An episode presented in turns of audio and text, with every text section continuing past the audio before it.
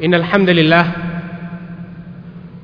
نحمده ونستعينه ونستغفره ونعوذ بالله من شرور أنفسنا وسيئات أعمالنا. من يهده الله فلا مضل له ومن يضلل فلا هادي له. أشهد أن لا إله إلا الله وحده لا شريك له وأشهد أن محمدا abduhu wa rasuluhu amma ba'd.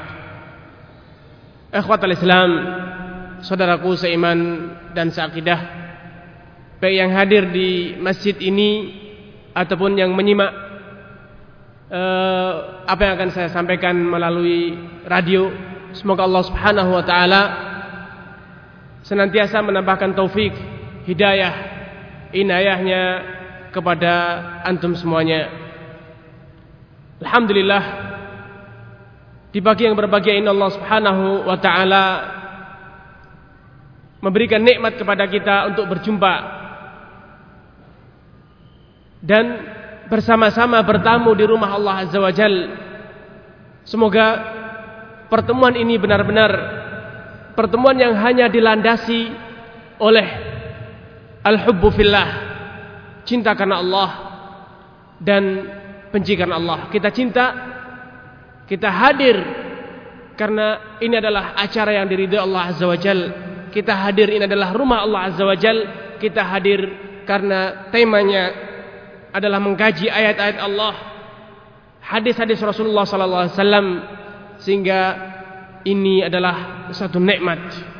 Ini adalah suatu karunia dari Allah Azza wa Jal di hari yang biasanya banyak orang menyanyikan waktunya. Menyanyikan waktunya untuk hal-hal yang kurang berguna. Ada yang hanya sekedar duduk-duduk saja. Ada yang hanya sekedar tidur-tiduran saja. Namun ternyata Allah subhanahu wa ta'ala membuka pintu hati antum sekalian untuk memakmurkan masjid-masjid Allah memakmurkan rumah-rumah Allah. Itu adalah nikmat karena Allah telah menegaskan dalam ayat dan juga melalui lisan Rasulullah SAW bahwasanya inna ma ya'muru masajidallah yang memakmurkan masjid Allah, yang meramaikan masjid Allah hanyalah orang-orang yang beriman. Sedangkan orang yang di hatinya hampa, orang yang di hatinya gersang dari nilai-nilai iman, maka ia enggan, ia berat untuk memakmurkan masjid. Bahkan Rasulullah SAW telah memberikan kabar gembira kepada antum sekalian yang saya yakin antum adalah satu dari mereka. Akan ada tujuh jenis orang. Sab'atun yudhilluhumullah. Fi dhillihi yawma la dhilla illa dhilluh. Akan ada tujuh golongan orang yang di hari kiamat akan dinaungi oleh Allah Azza wa Jalla dari teriknya matahari, panasnya alam mahsyar, dinaungi di bawah arsy Allah Azza wa Jal. Di antara mereka adalah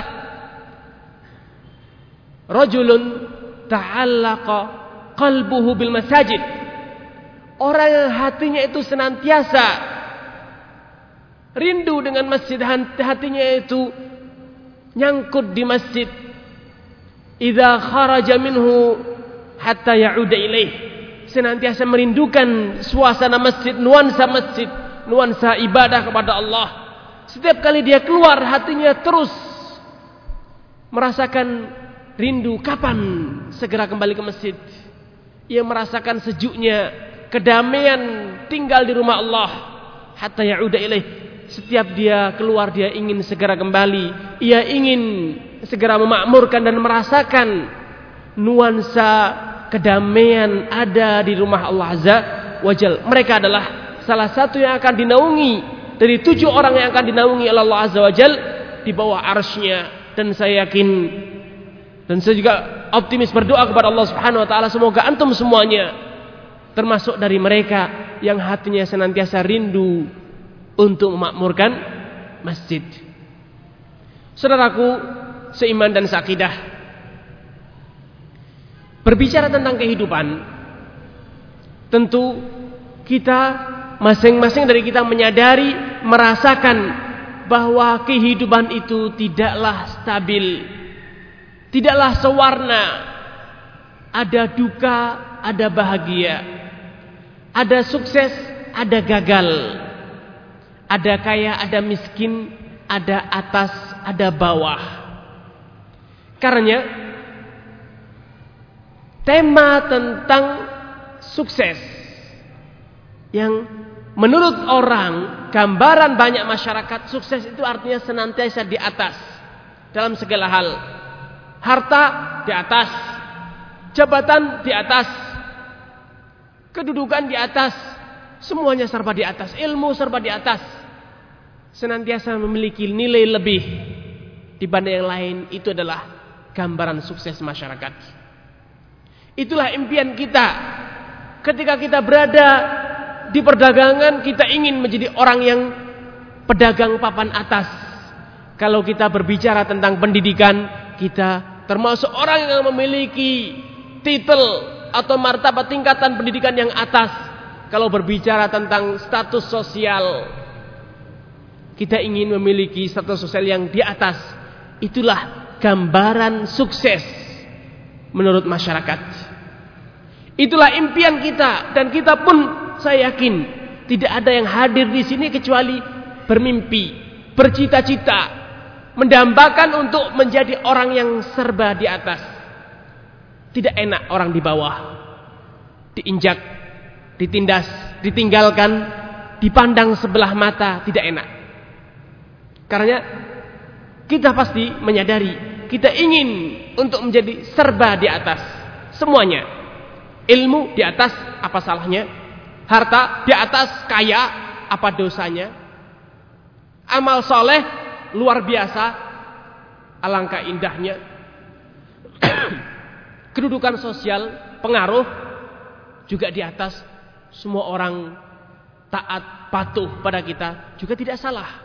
Selama itu tidak sampai pada tingkat sombong, menghinakan orang. Makanya Rasulullah Shallallahu Alaihi Wasallam telah menegaskan, telah memberikan gambaran sederhana tentang arti sukses tersebut dengan mengatakan al-mu'minul qawi khairun minal mu'mini ad-dhaif. Orang mukmin yang kuat dalam apa? Semua urusan. Ilmunya kuat, hartanya kuat, status sosialnya kuat, ibadahnya luar biasa. Itu lebih baik dibanding orang yang dhaif. orang yang lemah Kenapa? Karena tentu orang yang kuat dia mampu berbuat lebih banyak, beribadah lebih banyak, beramal lebih banyak, berperan lebih banyak dibanding orang yang dhaif, orang yang lemah, lemah ilmu, lemah harta, lemah fisik, lemah status sosial dan yang lainnya. Tentu yang kuat lebih baik. Karena bermimpi menjadi orang kuat dalam segala aspek itu adalah indah sekali. Bercita-cita menjadi orang yang kuat dalam segala aspek kehidupan kita itu adalah harapan kita, cita-cita kita semua. Namun apa bisa mimpi tersebut terwujud?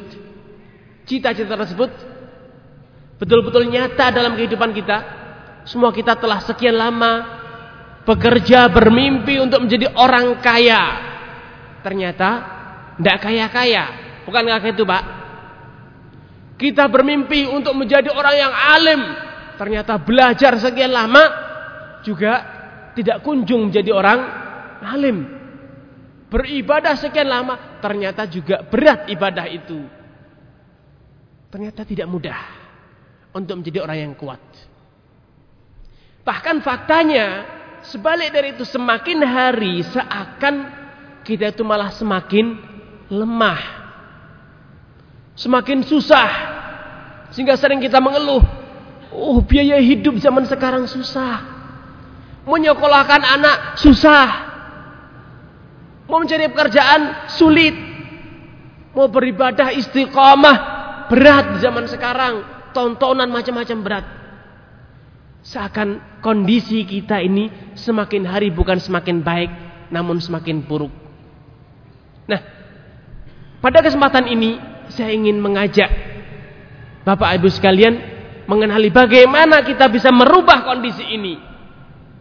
Kondisi yang seakan terasa terus semakin pahit semakin pahit menjadi semakin indah semakin indah.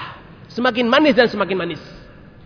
Dan ketahuilah bahwa apa yang akan saya sebutkan ini ini semuanya telah diajarkan oleh Rasulullah SAW. Namun sayangnya kita yang tidak mempelajarinya. Sayangnya kita yang tidak menerapkannya. Ada yang mempelajari namun tidak menerapkannya. Ada yang menerapkannya namun tidak sempurna. Akhirnya inilah kondisi umat yang kita alami. Inilah fakta yang ada di tengah-tengah kita. Bapak Ibu sekalian, ada delapan kunci sukses dalam hidup. Siapa pun Anda, siapa pun apa pun profesi Anda.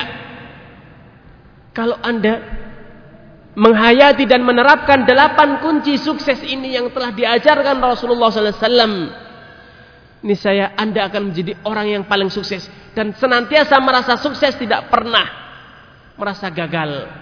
Tidak pernah merasa rugi, tidak pernah merasa sengsara. Anda akan senantiasa menjadi orang paling bahagia. Kunci pertama, kebahagiaan pertama, sukses pertama adalah Anda senantiasa tawakal kepada Allah. Apa arti tawakal? Kenapa kita harus tawakal? Kita tahu hari esok itu adalah teka-teki. Tidak ada yang tahu apa yang akan terjadi pada hari esok. Masa depan kita, siapa yang tahu? Karena kalau kita semua berpikir tentang rencana, tentang cita-cita, maka yang ada sering kali adalah rasa takut.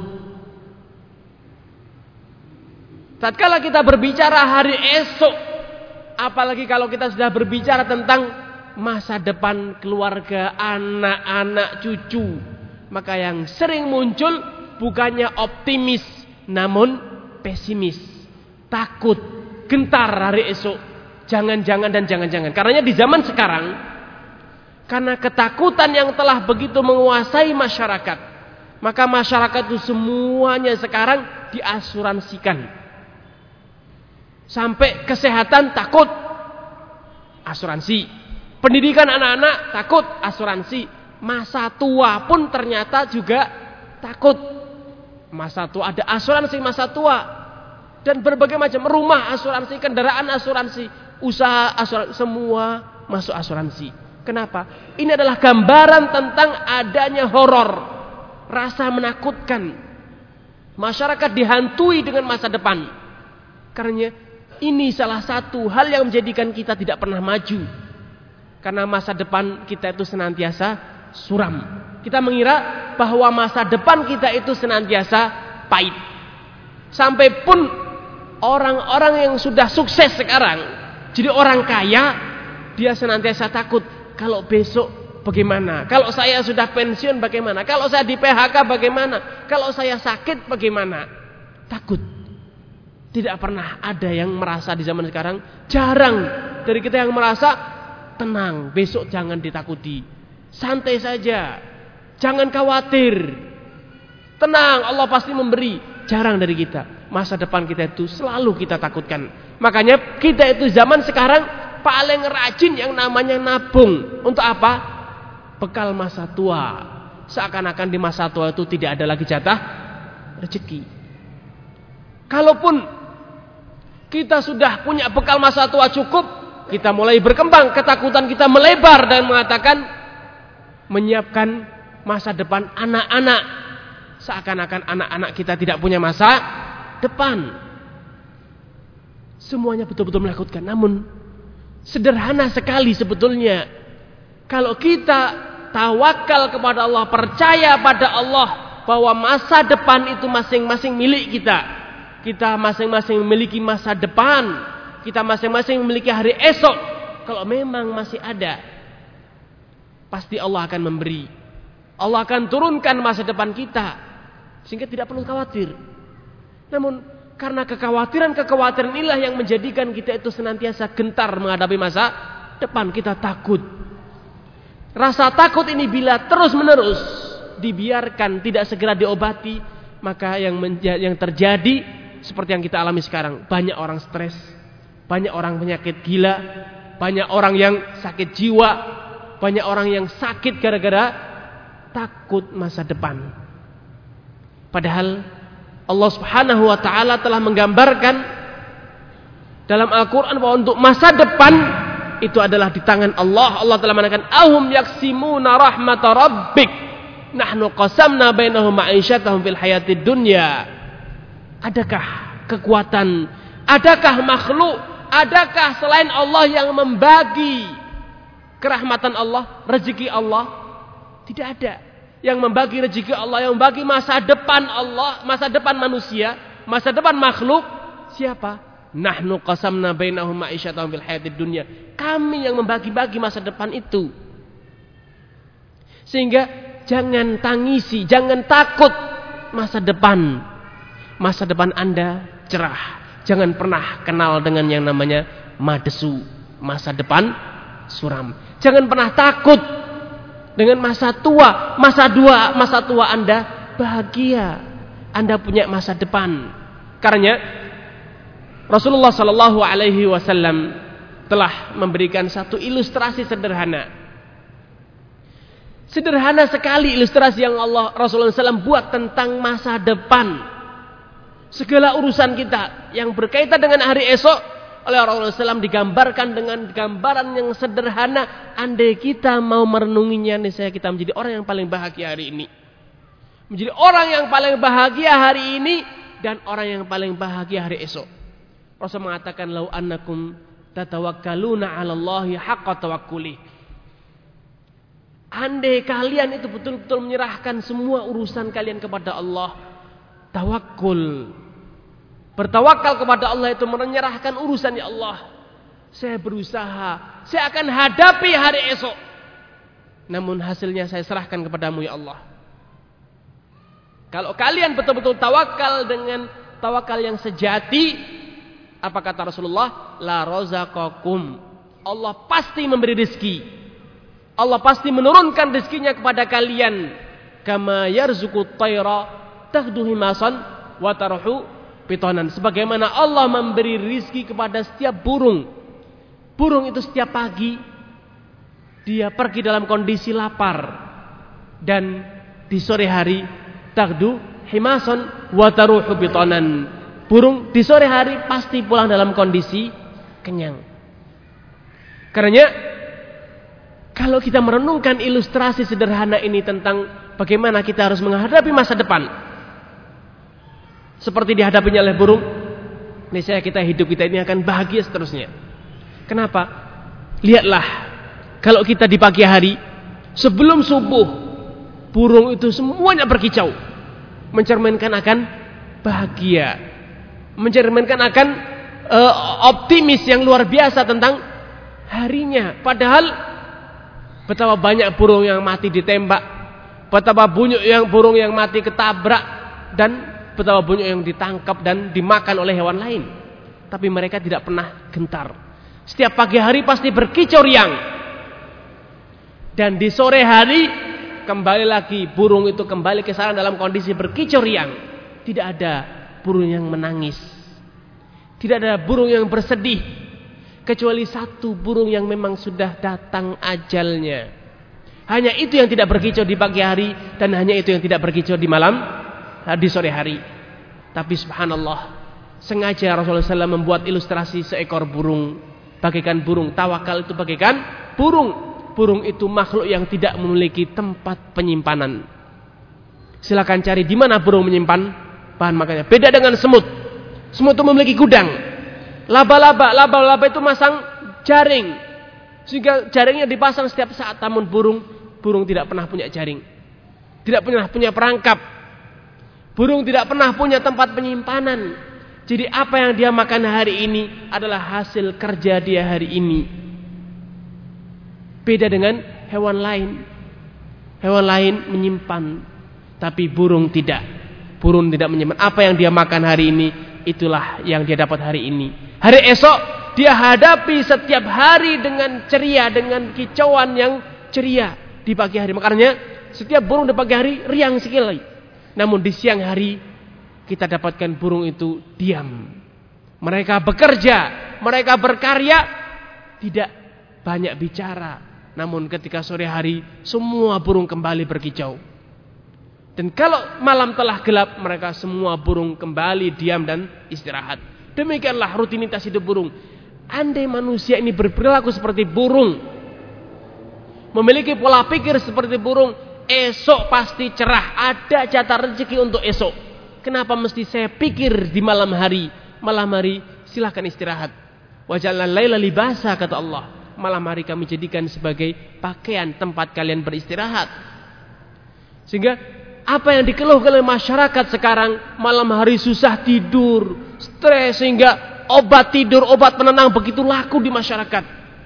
Merek-merek obat flu yang menggunakan penidur obat obat tidur laku dicari oleh masyarakat. Kenapa? Susah tidur katanya. Ini sebab karena kita tidak percaya dengan masa depan kita. Terus pekerjaan, terus apa proyek kita, hari esok kita pikir, besok bagaimana, lusa bagaimana, sekarang akan lagi bulan depan, tahun depan bagaimana, terus kita pikirkan di mati, pikir kita sehingga malam kita susah tidur, siang kita susah makan, pekerja terganggu, konsentrasi, buyar dan seterusnya. Ini rahasianya karena kita tidak pernah percaya bahwa masa depan kita itu cerah. Dan untuk bisa percaya bahwa masa depan cerah itu hanya ada satu caranya.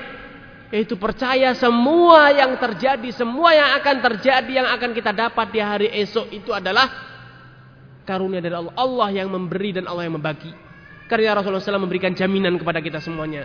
Asuransi yang pasti dibagi. Asuransi yang pasti diberikan. Tidak mungkin ada khianat. Tidak perlu ngajukan gugatan tidak perlu bayar premi, pasti diberi. Rasulullah SAW mengatakan inna ruhal kudus. Sejatinya ruhal kudus, yaitu malaikat Jibril, nafatha fi telah membisikkan di hatiku, annaha lan tamuta nafsun hatta tastawfiya rizqaha. Percayalah bahwa tidak mungkin ada manusia siapa pun dia yang mati illa kecuali hatta tastawfiya rizqaha sampai dia itu benar-benar mengenyam seluruh jatah rizkinya. Itulah janji dari Rasulullah SAW. Percaya. Namun berbicara, berteori, ngomong itu mudah. Oh saya tawakal, saya percaya. Tapi fakta apakah demikian? Karena Rasulullah SAW setelah mengajarkan tentang konsep tawakal, memberikan jaminan bahwa rizki itu semua telah ditakdirkan Allah Subhanahu Taala ada beserta suratan takdir kita sejak kita belum lahir, Rasul memberikan satu indikator nyata. Apa indikator bahwasanya Anda tawakal? Anda silahkan ngaku. Anda silahkan mengklaim. Anda silahkan mengatakan saya tawakal. Namun lihat buktinya ini. Indikator bahwasanya Anda tawakal yang benar adalah khudul halal wa da'ul haram kata Rasulullah SAW. Indikator Anda tawakal yang benar ialah Anda dalam bekerja, dalam mengarungi kehidupan dunia ini tenang, tidak pernah menghalalkan segala macam cara, tidak pernah gentar, tidak pernah khawatir. Sehingga apa yang terjadi? Khudul halal. Anda hanya menempuh cara-cara yang benar, cara-cara yang halal. Wada'ul haram dan tinggalkanlah yang haram. Kenapa kita bisa uh, uh, hanya mencukupkan diri dengan pekerjaan yang halal, dengan upaya-upaya yang halal? dan tidak melakukan yang haram karena kita tahu kaum muslimin yakin bahwa apa yang menjadi milik kita tidak akan ada yang bisa merebutnya. Dan juga kita tidak mungkin merebut milik saudara kita. Karena suatu hari Rasulullah SAW ketika beliau memberikan terbiah, pendidikan, menanamkan ideologi, menanamkan keyakinan, akidah kepada saudara sepupunya itu Abdullah bin Abbas. Beliau mengatakan, Ya gulam. Wahai nak. Wa'allimuka kalimat. Aku ajarkan kepadamu beberapa semboyan. Di antara semboyan yang beliau ajarkan kepada Abdullah bin Abbas. Beliau mengatakan, I'lam. Percayalah nak. Anal ummata law istama'u ala an yanfa'uk. Percayalah andai semua manusia, semua umat bersatu padu bersekongkol untuk menguntungkanmu, memberikan manfaat padamu, memberikan rizki, atau menolongmu lam yanfa'uka illa bi syai'in qad katabahu lak.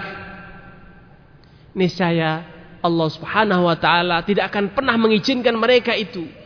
Kalau mereka semua bersatu padu, bersekongkol ingin memberikan keuntungan kepadamu, kecuali tidak ada yang bisa mereka lakukan, tidak mungkin bisa mereka, mereka melakukan pertolongan atau memberikan keuntungan kepadamu kecuali yang memang telah Allah gariskan untukmu.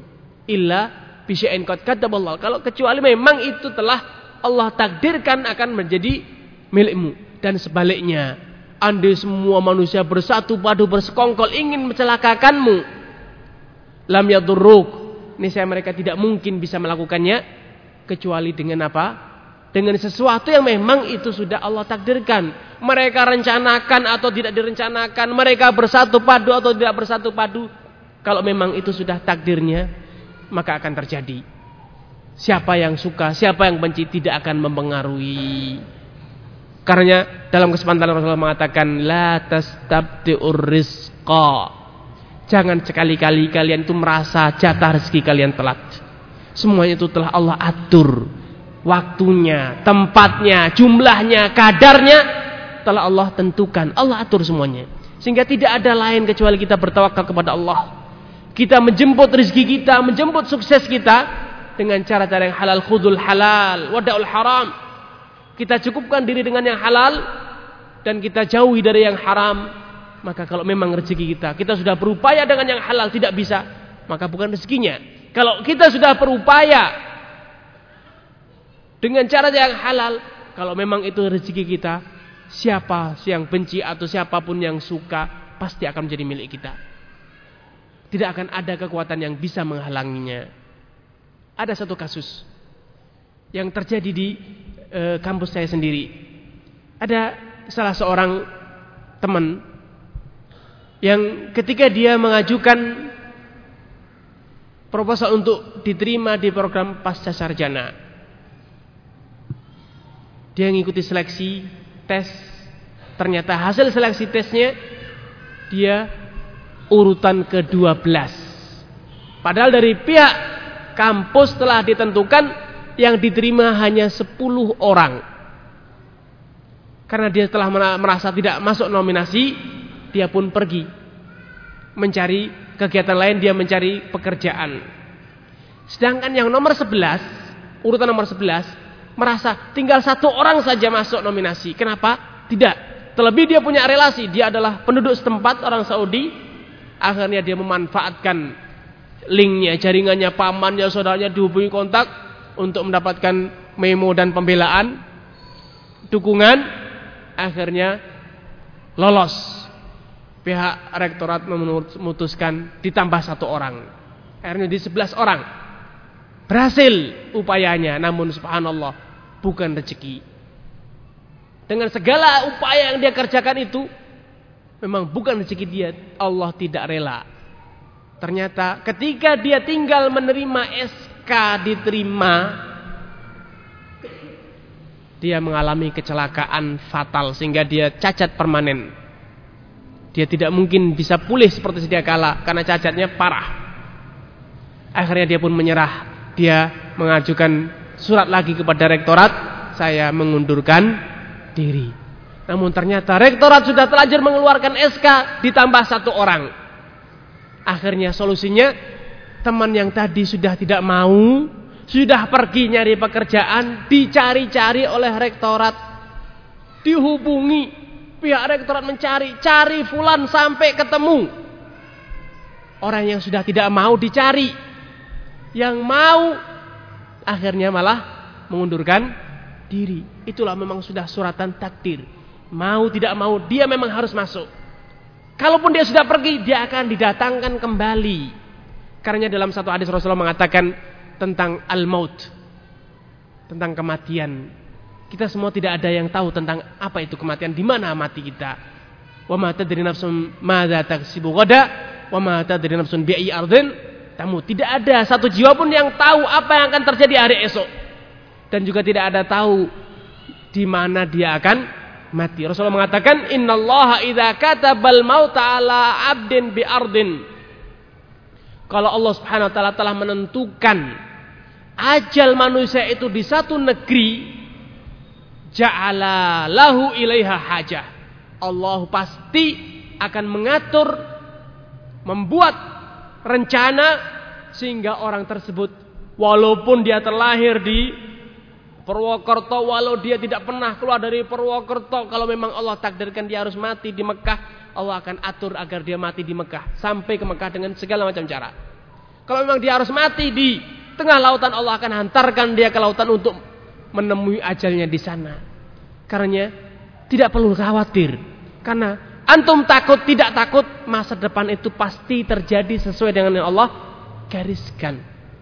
Karena kalau kita menghadapi masa depan itu dengan rasa gentar, rasa takut, rasa khawatir, maka kekhawatiran tentang masa depan itu tidak ada manfaatnya. Hanya akan menghalangi, hanya akan melemahkan semangat, hanya akan melemahkan strategi menjadikan kita tidak semangat. Namun masa depan, katakan apa yang akan terjadi masa depan itu adalah suratan takdir saya akan hadapi apa pun yang terjadi. Ada satu kisah yang dengan kisah ini saya akhiri poin ini. Eh, Ja'far ibn Abi Talib radhiyallahu taala anhu ketika beliau berhijrah ke Habasyah. Beliau Ja'far dan juga para sahabat yang lainnya berhijrah ke Habasyah, maka orang-orang Quraisy tidak terima kalau para sahabat Rasulullah SAW hijrah ke Habasyah dan di Habasyah akan bebas menjalankan agamanya. Maka mereka orang-orang Quraisy mengutus utusan Dua orang utusan yaitu Amr ibn al-As dan juga ada uh, orang lain yang diutus ini sebelum masuk eh, Amr bin al-As sebelum masuk Islam diutus untuk mempengaruhi Najasyi agar menolak kehadiran para sahabat dengan membawa suap hadiah macam-macam. Maka Ja'far bin Abi Thalib ketika mendengar bahwa utusan Quraisy telah datang ke Najasyi dan membujuknya dengan segala macam hadiah yang bisa mereka bawa agar Najasyi mengusir kembali kaum muslimin maka para kaum muslimin pun gentar. Mulai ketakutan. Kita akan diusir lagi kita akan terlunta-lunta lagi. Maka Ja'far sebagai seorang mukmin sebagai paman Rasul Shallallahu Alaihi Wasallam yang telah menghayati nilai-nilai iman. Ketika dia bermusyawarah dengan para sahabat apa yang akan mereka katakan ketika berhadapan dengan Najasyi maka Ja'far mengilhami imannya dengan mengatakan Nakulu kama qala Rasulullah sallam falyakun ma yakun katanya. Kita akan katakan seperti apa yang diajarkan oleh Rasulullah sallallahu alaihi wasallam.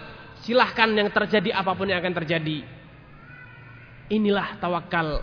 Hari esok tidak perlu ditakuti, namun dihadapi Bagaimana kita menghadapinya? Dengan cara-cara yang benar seperti yang dikatakan Ja'far. Nakulu kama Rasulullah SAW. Kita katakan, kita jawab seperti yang diajarkan oleh Rasulullah SAW. Apa adanya kita lakukan yang halal kita katakan halal, yang haram kita katakan haram. Yang wajib kita katakan wajib, yang syirik kita katakan syirik. Apa adanya.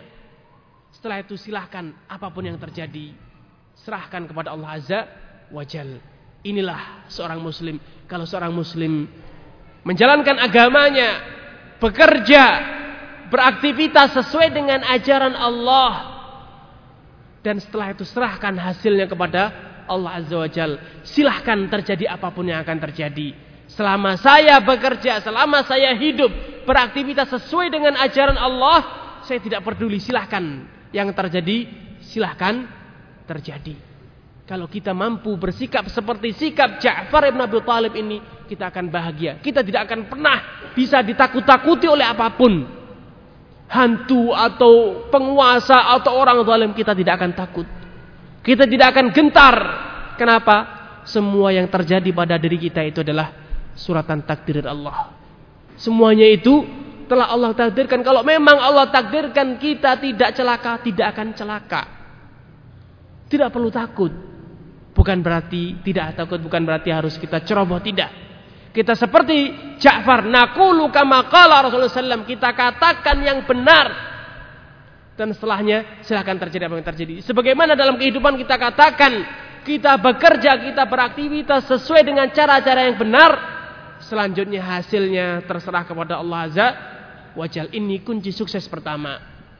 Anda sebagai pelajar, Anda sebagai petani, Anda sebagai pedagang, Anda sebagai kepala rumah tangga, Anda sebagai apa pun profesinya, kalau Anda bisa mengatakan kita jalani hidup ini sesuai dengan ajaran Rasulullah SAW, silahkan setelahnya terjadi apa pun yang terjadi.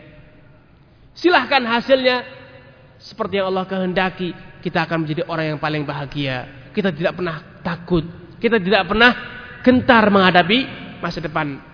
Kunci yang kedua, kunci sukses kedua, masing-masing kita dalam kehidupan pasti punya masa lalu, punya memori, punya pengalaman masa lalu, sejarah hidup. Nah, sejarah hidup ini sesuatu yang tidak mungkin kita ulang, tidak mungkin kita review, kita putar ulang tidak mungkin. Yang telah lalu yang sudah berlalu. Namun, kalau kita mengingat masa lalu, berbicara tentang masa lalu, maka berbagai perasaan itu akan muncul kembali dalam hati. Kalau tidak percaya, silahkan yang sudah ditinggal meninggal, ditinggal mati oleh ayahnya, mengingat kembali ayahnya, pasti akan sedih. Yang ditinggal mati oleh istrinya, silahkan ingat istrinya, pasti akan sedih. Itu adalah bagian dari masa lalu. Yang ditipu oleh orang, silahkan ingat kasusnya, pasti akan jengkel, sedih, berduka, penyesalan yang pernah terluka, silakan ingat kejadian dia terluka, pasti dia akan sedih kembali. Namun kalau kita pikirkan masa lalu dengan cara ini, niscaya kita itu akan binasa di dunia ini, tidak mungkin bisa hidup. Kalau kita berhubungan dengan masa lalu, kita jadikan masa lalu sebagai bahan untuk menangis untuk meratapi, untuk bersedih, nescaya kita itu akan hancur binasa. Karena masing-masing kita pasti memiliki sekian ribu banyak memori sedih. Kalau itu terus kita tangisi masa lalu, kita sedih, kita e, renungkan dan terus kita tangisi, nescaya kita tidak akan bisa berbuat apa-apa. Karenanya lupakanlah masa lalu, ambil positifnya dan selebihnya lupakan. Masa lalu bukan untuk terus dikenang. Masa lalu untuk diambil ibrahnya. Makanya Allah Subhanahu wa taala menceritakan kisah orang-orang sebelum kita. Dan senantiasa setelah kisah disebutkan Allah mengatakan uh, inna fi dzalika la ayah. Pada kisah yang demikian itu terdapat ayat tanda-tanda keagungan Allah. Bagi siapa? Liqaumin yatafakkarun.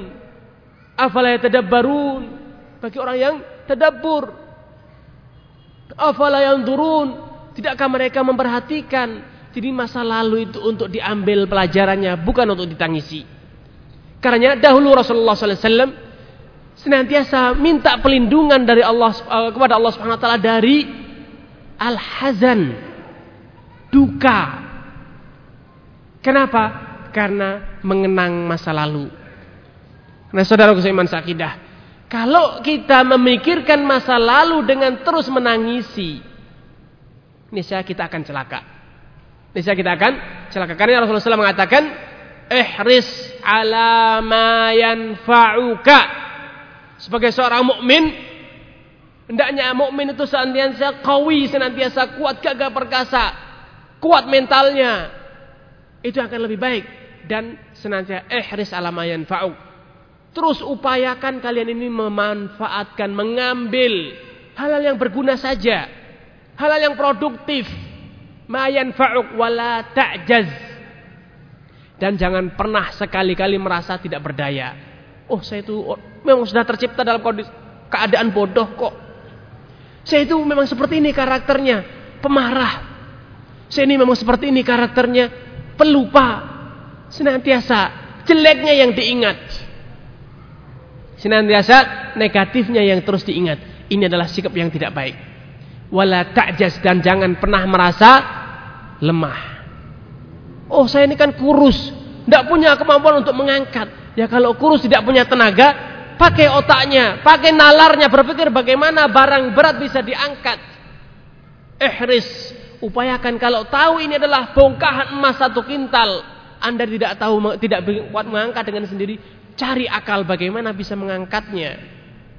Ihris ala ma yanfa'uk Upayakan terus segala hal yang berguna bagimu wala ta'jaz. Dan kemudian Allah SAW memberikan penekanan yang luar biasa.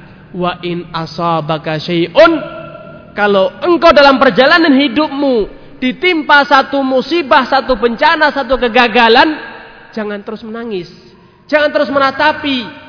Wa in asabaka syai'un fala taqul law kana law fa'altu kadza lakana kadza wa kadza. Jangan pernah sekali-kali engkau hanya dalam penyesalan dan mengatakan andai saya tadi tidak ke sini. Andai saya tadi demikian dan demikian ini saya tidak terjadi demikian dan demikian. Ini adalah penyesalan yang tidak ada artinya. Tidak berguna yang sudah lalu. Tidak usah dikatakan andai-andai. Kan sudah terjadi tidak mungkin berubah. Namun besok saya tidak akan melakukan ini lagi. Itu yang produktif. Itu yang baik. Tapi kalau andai saya demikian, maka tidak akan terjadi demikian. Itu tidak ada gunanya. Namun katakanlah, besok saya tidak akan demikian agar tidak terulang lagi. Itu yang produktif. Tapi kalau kita mengatakan andai dan andai, jikalau kalau saja saya tidak ke sini, saya tidak kesandung, saya tidak jatuh, saya tidak kecopetan atau yang lainnya, ini tidak ada manfaatnya. Tidak produktif. Makanya di antara hal yang diharamkan dalam Islam adalah berandai-andai dengan mengatakan andai saya demikian saya saya tidak akan terjadi. Andai yang berkaitan dengan masa lalu ini adalah haram hukumnya dalam Islam. Jangan pernah mengatakan andai bapak saya saya obati dulu dia tidak akan mati. Memang sudah datang ajalnya. Dia obati atau tidak obati dia pun akan mati. Jangan takut. Tidak usah ditangisi. Memang sudah tiba ajalnya. Andai kalau saya dulu itu sekolah, jangan ditangisi. Karena memang Allah sudah takdirkan Anda tidak sekolah. Andai bapak dulu saya kaya, saya dibeli modal, saya bisa bekerja demikian. Tidak. Tidak mungkin itu bisa terjadi. Tidak ada manfaatnya. Namun, katakan apa yang akan datang, saya akan demikian dan demikian. Andai itu produktif untuk masa depan. Tapi untuk masa lalu tidak. Jangan pernah hanya dalam andai-andai. Yang telah berlalu. Karena andai-andai masa lalu itu tidaklah produktif, hanya buang-buang waktu, buang-buang potensi. Tapi andai masa depan itulah yang produktif. Dia mengatakan, andai saya bisa kaya seperti dia, saya akan bangun masjid. Andai saya bisa pandai seperti dia, saya akan buat. Lalu bagaimana kalau andai di masa depan? Berarti belajarlah. Kalau mau jadi kaya, bekerjalah. Karena Rasulullah mengatakan, innama dunya li arba'ati rajulin. Dunia itu isinya hanya ada empat orang, tidak lebih tidak kurang. Semua orang sekian banyak, sekian miliar orang ini hanya ada empat orang ini. Hanya ada empat kelompok orang, kelompok manusia kata Rasulullah. Yang pertama, penghuni dunia, rajulun atahullahu ilman wa malan.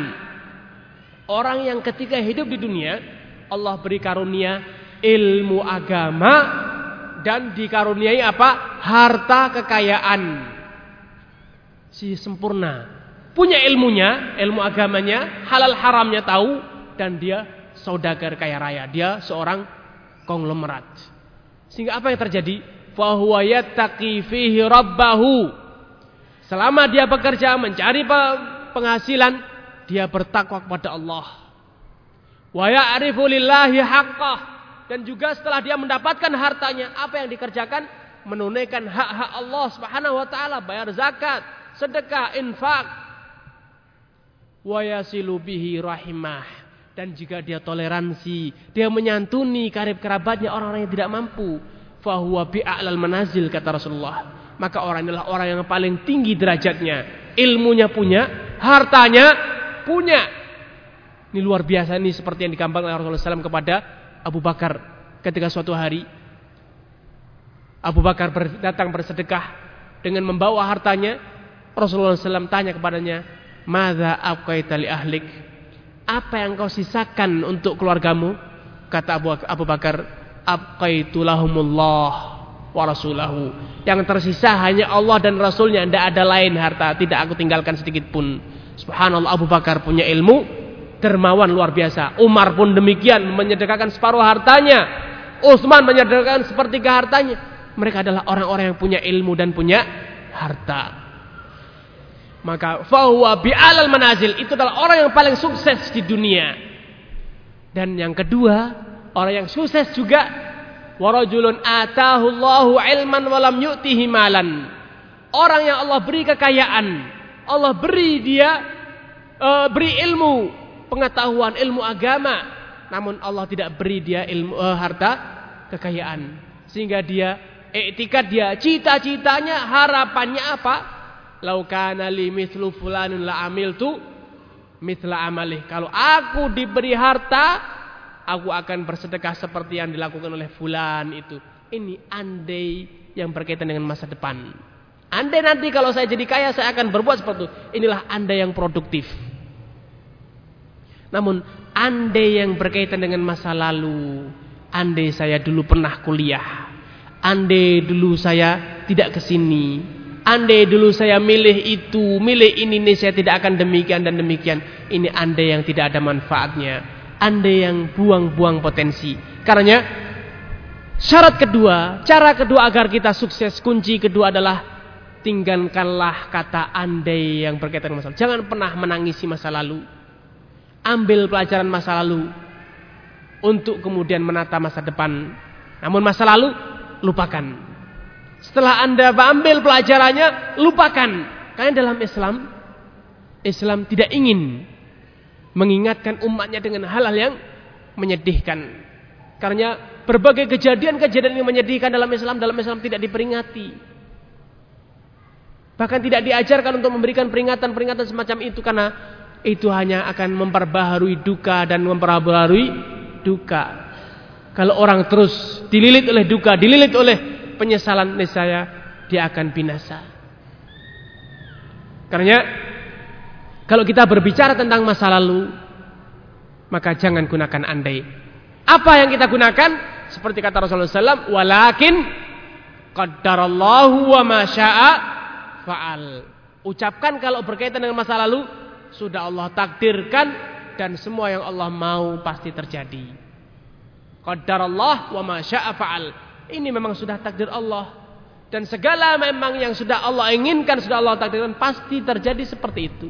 Jadi buat apa saya ulang sekarang saya uh, revisi tidak ada manfaatnya. Katakan Allah ma syaa fa'al dan lanjutkan masa depan. Jadi kalau kita hanya dengan mengatakan ande-ande ini saya habislah masa kita. Kemudian yang ketiga, kunci sukses ketiga, seorang mukmin harus punya harus punya semangat, punya keinginan untuk memiliki nilai lebih dibanding orang lain. Kalau tidak dalam harta, dalam ilmu. Tidak dalam harta, tidak dalam ilmu, kekuatan dalam fisik. Tidak dalam harta, tidak dalam ilmu, tidak dalam fisik, kekuatan dalam akal, strategi, kekuatan dalam teknologi, ekonomi dan lain sebagainya. Karena Rasulullah SAW telah menganjurkan umatnya. Allah bahkan Allah Subhanahu wa taala telah memerintahkan wa'iddu lahum mastata'tum min quwwah. Persiapkanlah kalian sebagai umat Islam, persiapkanlah kekuatan, segala bentuk kekuatan.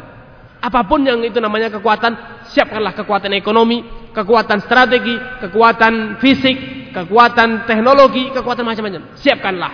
Karena Rasulullah mengatakan al-mu'minul qawi ahabbu ila Allah minal mu'mini ad-dhaif. Orang yang kuat itu lebih baik. Karena dalam hidup kita harus tertantang, terobsesi untuk memiliki nilai lebih. Saya harus bisa lebih. Saya harus punya nilai lebih. Kalau mau jadi manusia sempurna adalah sesuatu yang mustahil.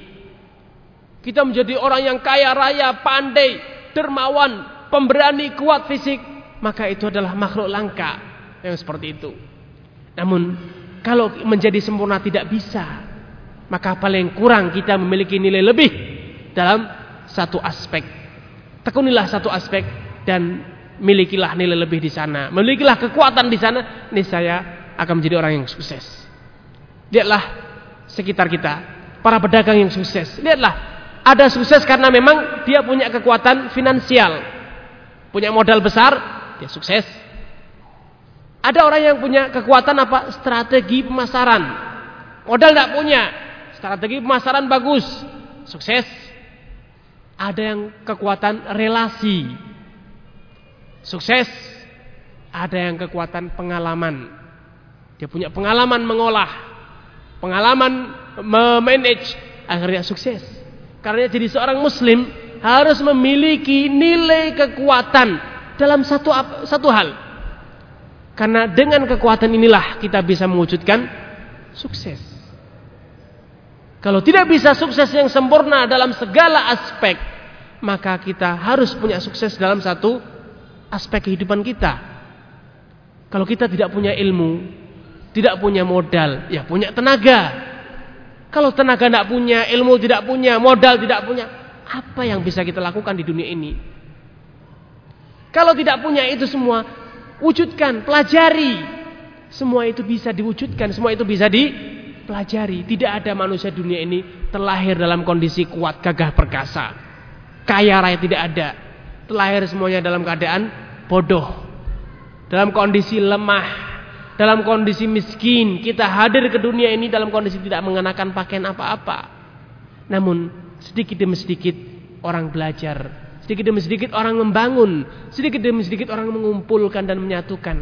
Karena sebagai seorang mukmin, kalau ingin sukses, milikilah kekuatan dalam apa pun. Kekuatan fisik boleh sehingga bisa bekerja dan menghasilkan lebih dibanding yang lain.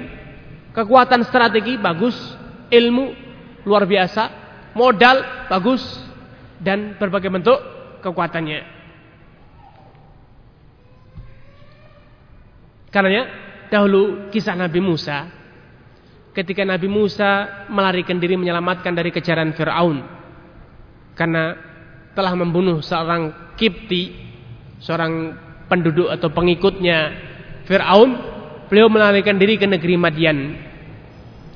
Ketika sampai di negeri Madian dia sudah lelah, dia duduk di bawah pohon berteduh. Namun tidak jauh dari tempat beliau beristirahat ada sekerombolan orang yang sedang berebut menimba air dari sumur. Di sisi lain, beliau melihat ada satu hal yang unik. Ada dua wanita, dua gadis yang sama-sama ingin menimba air tapi mereka menyingkir, menanti selesainya para penggembala yang lain untuk mengambil air. Sehingga Nabi Musa merasa keheranan seakan-akan wanita ini membutuhkan pertolongan. Maka beliau datang dan mendekati. Ma khatbukuma. Apa yang terjadi pada diri kalian berdua? Qala la naskir naski hatta katanya. Kami tidak bisa memberi minum gembala-gembala kami domba-domba kami sampai mereka semua menyingkir. Maka Nabi Musa karena merasa iba Beliau membantu menolong dengan tenaganya yang luar biasa. Beliau menimbakan yang ditimba biasanya oleh 10 orang oleh Nabi Musa diangkat sekali. Sehingga semua orang terbelalak termasuk dua gadis ini melihat ini adalah luar biasa. Air yang biasanya ditarik oleh 10 orang ini ternyata hanya ditarik sendiri oleh Nabi Musa dan cepat sekali tanpa ada rasa keberatan. Sehingga sore itu dua gadis ini pulang ke rumah orang tuanya yaitu Shu'aib lebih cepat dibanding biasa sehingga Shu'aib pun heran. Kenapa pulang cepat? Sehingga keduanya pun menceritakan tadi ada seorang pemuda yang luar biasa kuatnya menolong. Maka Shu'aib merasa perlu untuk berterima kasih. Maka Musa diundang ke rumahnya. Ke rumahnya Shu'aib. Dan dua gadis tadi yang diutus kembali untuk mengundang Musa alaihissalam. Inna abana yad'uka liyajziyaka ajra ma saqaita lana wahai Musa wahai pemuda ayah kami mengundang kamu untuk memberi balasan berterima kasih atas jasamu menolong kami memberi minum domba-domba gembalaan kami. Kemudian putri Syuaib yang muda belia yang kecil memberikan usulan kepada bapaknya ketika melihat potensi Musa yang luar biasa dari tenaganya ini, lihatlah Musa adalah orang yang terasing, terusir dari negerinya, datang dengan tanpa bekal. Tapi karena berbekal apa? Kekuatan dia. Dan juga amanahnya. Karena ketika beliau berjalan, dia ternyata senantiasa menundukkan pandangannya. Maka putri Syuaib mengusulkan kepada ayahnya, Ya abatis ta'jirhu wahai ayah. Sewa saja dia untuk menggembala domba kita. Inna khaira man istajarta al-qawi al-amin. Sejatinya orang yang paling tepat, paling baik untuk engkau sewa sebagai penggembala adalah orang yang qawi, gagah perkasa kuat dan amin. Dia itu bisa dipercaya. Dan walaupun Musa datang tanpa bekal, tapi karena memiliki potensi, memiliki kekuatan, dia bisa hidup di Madian. Ternyata dapat segera dapat pekerjaan. Contohnya Abdurrahman bin Auf hijrah ke dari Mekah ke Madinah tanpa bekal karena hartanya telah ditinggalkan semuanya di Mekah. Sehingga ketika uh, tiba di Madinah, beliau dipersaudarakan dengan Rabi ibn al-As radhiyallahu taala anhuma. Rabi ibn al-As adalah seorang kaya raya, sehingga dia mengatakan, "Ya akhi, Wahai saudaraku Abdurrahman bin Auf, aku memiliki dua istri. Kalau engkau mau, aku akan ceraikan satu. Setelah selesai masa idahnya nikahilah dia. Dan aku memiliki harta yang banyak. Kalau engkau mau, aku akan bagi dua separuh milikmu, separuh milikku. Maka Abdurrahman bin Auf karena dia memiliki kekuatan, potensi, dia dengan yakinnya mengatakan, Barakallahu laka fi ahlika wa fi malik. Wahai Rabi bin Al-As, semoga Allah Subhanahu wa taala memberkahi harta dan keluargamu namun dulani ala suq. Bagiku cukup saja engkau antarkan aku ke pasar, itu sudah selesai urusan bagi saya. Karena Abdurrahman Auf adalah seorang saudagar yang mahir. Beliau memiliki potensi, memiliki kekuatan apa? Kemampuan berdagang. Karena kunci sukses ketiga adalah milikilah kekuatan dalam bentuk apa pun. Kekuatan ilmu bagus, fisik luar biasa, kekuatan strategi, pemasaran, relasi, atau apa saja, kemampuan berdiskusi, berkomunikasi, bagus. Itu adalah potensi untuk memiliki sukses dalam suatu bidang. Namun kalau kita itu tidak punya potensi apa-apa, lemah, fisik lemah, ilmu lemah, kemudian e, harta juga lemah, hubungan juga lemah, komunikasi lemah, terus apa yang akan dia jadikan modal untuk mendapatkan sukses. Allah Subhanahu wa taala tidak pernah menurunkan hujan emas dari langit.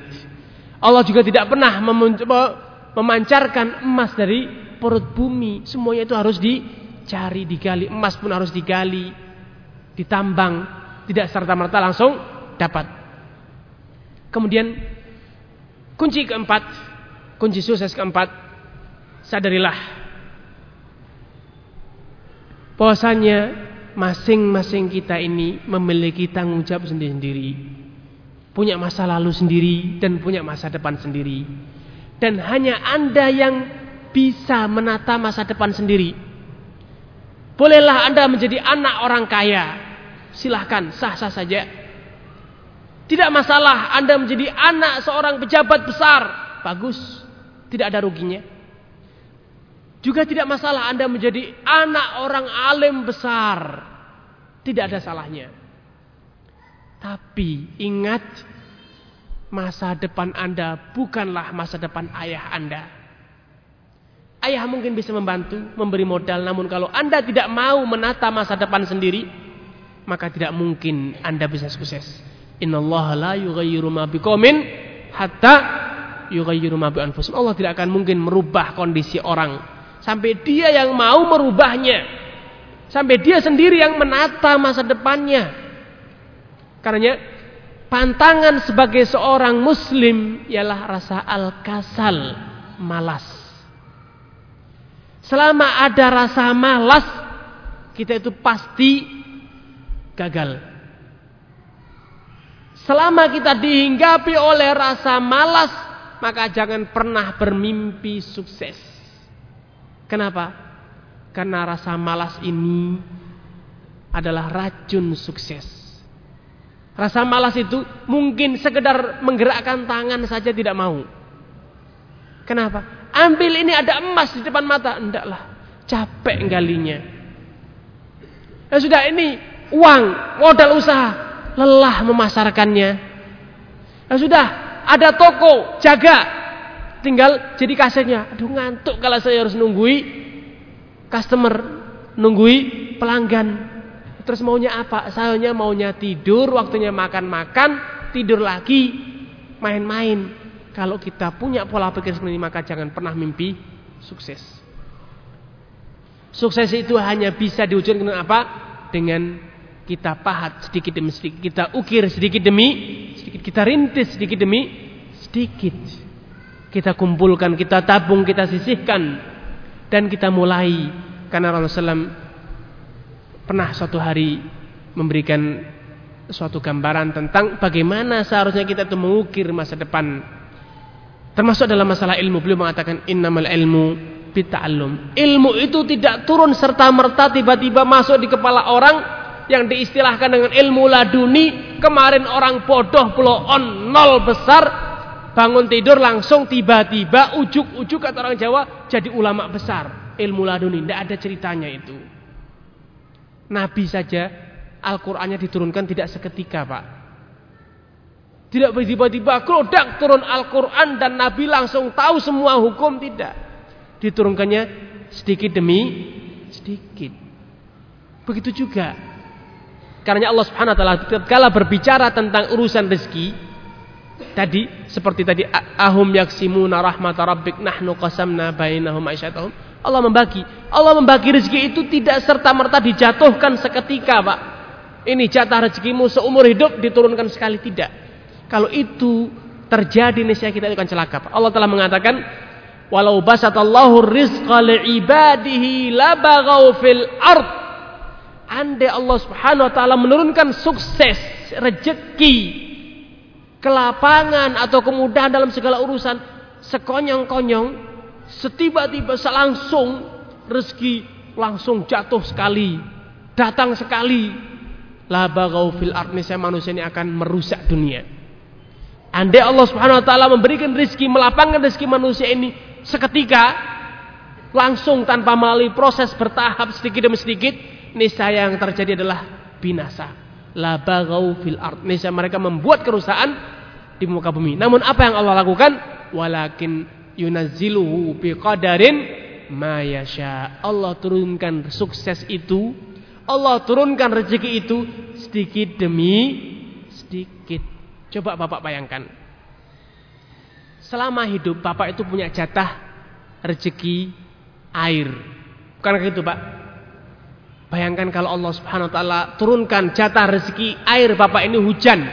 Nih Pak Muhammad, nih jatah airmu selama hidup di dunia.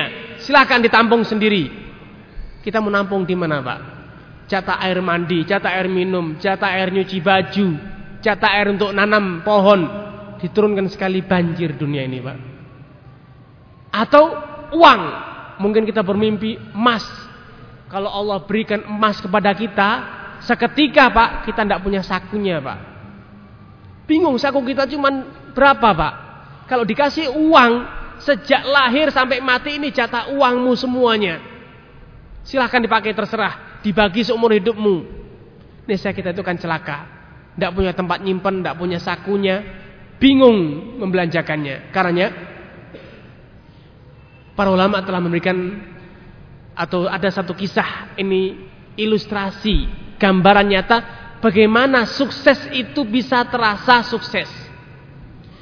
Suatu hari Rasulullah SAW mengutus para sahabat untuk mencegat uh, kafilah dagang orang Quraisy. Namun karena kala itu para sahabat, bahkan Rasulullah SAW juga masih dalam kondisi miskin, belum memiliki rampasan perang, belum memiliki ladang luas, maka bekal yang diberikan kepada para sahabat yang diutus menyekat kafilah dagang ini hanya sedikit. Sehingga di tengah jalan bekalnya habis. Kurmanya habis. Sampai suatu hari panglima perangnya mengumpulkan semua jatah bekalnya dan dibagi rata. Satu hari dibagi tiga biji tiga biji kurma untuk hidup satu hari hanya tiga biji kurma. Namun perbekalan perbekalan semakin menyusut sampai satu hari hanya bijinya saja. Maka ketika para sahabat menceritakan kisah ini kepada para tabiin yang telah hidup gemah ripah jinawi lapang kaya raya, apa yang kata mereka? Wa mayuni tamrah katanya. Wahai sahabat, apa artinya satu biji korma? Mana mungkin bisa hidup apalagi harus berhadapan dengan pasukan musuh. Maka simaklah jawaban para sahabat. Ini kaidah. Dengan inilah kita bisa tahu arti sukses. Beliau mengatakan wajadna fakdaha indah fakdiha. Kita itu baru tahu artinya satu biji korma kapan? Di saat korma itu telah tiada.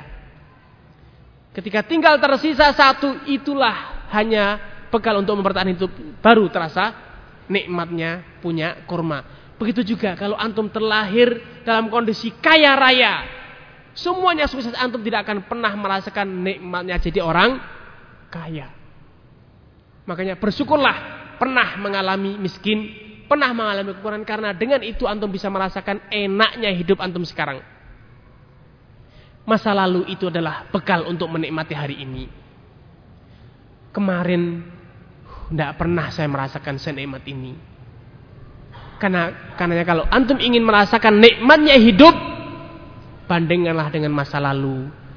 Dulu saya tidak pernah makan ini, sekarang terasa enak. Sekarang lebih enak dibanding yang lalu. Bapak saya dulu SD saja tidak lulus. Saya sekarang sudah lulus kuliah. Nikmat. Enak. Sukses. Bapak dulu rumahnya dari gedek, saya rumahnya tembok, sukses. Dulu saya sekolah ngontel, sekarang sudah pakai motor, sukses. Dulu sekarang, dulu pakai apa? Angkutan umum, sekarang punya mobil sendiri, sukses. Namun kalau kita terus memandang orang, orang itu mobilnya 10, kita tidak akan pernah punya sukses. Kita tidak akan pernah merasakan nikmatnya sukses. Sukses itu hanya terasa kapan? tatkala kita pernah merasakan susah. Pernah merasakan susah. Karena sebagai seorang muslim, seorang mukmin, jangan pernah bermimpi bahwa saya sukses itu artinya adalah kita pasif, tidur, makan, tidur lagi, tidur, makan itu bukan sukses. Itu hidup yang tidak enak. Orang yang merasakan enaknya hidup adalah orang yang pernah merasakan pahitnya sengsara.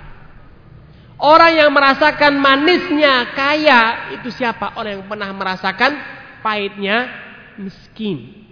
Karena di antara hikmah disyaratkannya puasa adalah ini agar antum tahu rasanya miskin sehingga antum tahu rasanya kaya.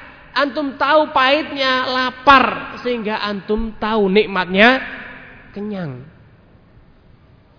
Banyak dahulu pesan Amirul Mukminin Umar bin Khattab kepada kaum muslimin di zaman beliau kepada masyarakat beliau beliau mengatakan taqasyaf yauman fa innal hayata la tadum. Coba sesekali hidup susah.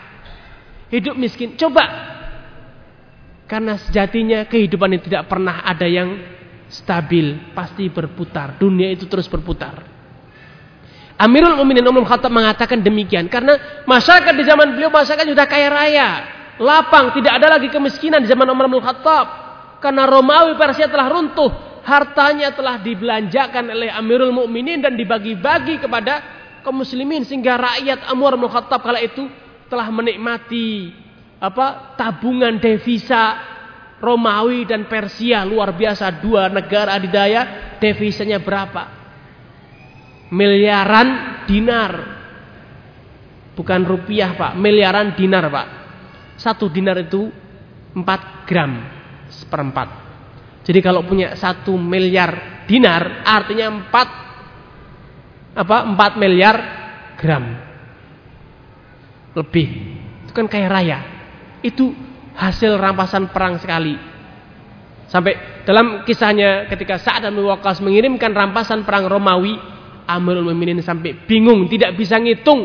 Kalau itu belum ada angka jutaan, Pak. Adanya angka terbesar di zaman dulu itu hanya seribu.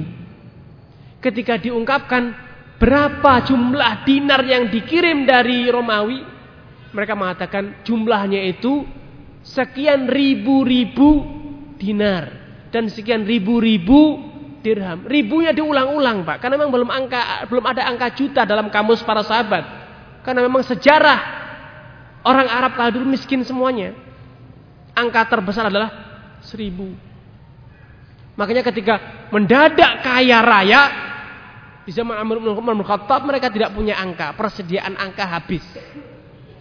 Itu di zaman Umar bin Khattab. Sehingga ketika menghitung dengan apa? Ribu-ribu-ribu. Saking besarnya kekayaan. Melebihi persediaan angka. Ini gambaran makmurnya kaum muslimin di zaman Umar. Makanya Umar Khattab berpesan kepada umatnya yang telah makmur. Karena mendapatkan pembagian. Setiap bulan rakyat itu dapat gaji semua Pak. Bukan hanya pegawai negerinya yang dapat gaji. Yang disebut dengan atok. Di zaman para khalifah dulu semua rakyat itu mendapat bagian jatah dari pemerintah. Bukan raskin, Pak. Jatahnya itu dinar, dirham, pakaian, onta, budak dibagi-bagi di zaman para khalifah itu. Jadi yang dibagi itu bukan raskin. Yang dibagi itu ya kadang dapat rampasan perang bentuk budak, kadang dalam bentuk onta, kadang dalam bentuk emas, kadang dalam bentuk dinar, kadang dalam bentuk pakaian, pembagian luar biasa. Nah, Amirul Mukminin karena rakyatnya telah makmur, kaya raya, beliau berpesan taqasyaf yauman fa innal hayata la tadum. Coba sesekali rasakan hidup susah. Karena sejatinya hidup ini tidak pernah langgeng, tidak ada yang langgeng. Kalaupun sekarang kaya raya sampai mati dunia, mati masih kaya. Mungkin orang-orang langgeng, tidak. Kondisinya pun terus berubah. Kadang pembantunya pulang semua, cuti semua. Kalau tidak ada pembantu, apa yang akan dilakukan? Kiamatkah dunia kita? Sesekali belajar nyuci piring sendiri, masak sendiri, apa salahnya? Sehingga dengan cara ini kita bisa merasakan nikmatnya punya pembantu. Sesekali masak hasil karya sendiri sehingga tahu kalau ternyata hasil masakan sendiri pahit, asin, pedas, kecut, tidak enak rasanya, baru terasa oh ternyata masukan pembantu kita kemarin enak. Dengan itulah kita bisa merasakan arti sukses. Karena kunci keempat tadi telah dijelaskan bahwasanya dalam hidup di dunia ini jangan pernah kita dihinggapi rasa malas walau kita sudah sukses. Walau kita sudah kaya jangan pernah ada rasa malas. Apa salahnya kita tetap bekerja, tetap berkarya? Ah, sudah kaya, kenapa mesti harus nyuci sendiri? Apa salahnya nyuci? Makanya dahulu Abdullah bin Abbas, eh, maaf Abu Dar itu punya budak pakaian yang dikenakan oleh Abu Dhar dan budaknya sama. Onta yang ditungganginya sama. Ini mencerminkan bagaimana pola pikir dulu para sahabat sehingga mereka tidak pernah ditinggal budaknya atau datang budaknya tidak pernah hidupnya itu merasa sengsara. Terus merasa bahagia karena dia terus siap dalam kondisi apa pun. Kayaknya rasa malas tidak boleh ada dalam diri kita walau kita sudah sukses, walau kita sudah kaya. Dan ada satu pelajaran penting di sini dalam berbicara tentang rasa malas. Silahkan nanti keluar ke toko-toko di pusat perbelanjaan di Purwokerto sini atau di tempat lain. Silahkan pergi ke mana saja. Lihatlah pemilik tokonya siapa pak. Buat angka sensus. Setelah sensus toko, sensus rumah mewah. Milik siapa rumah mewah itu?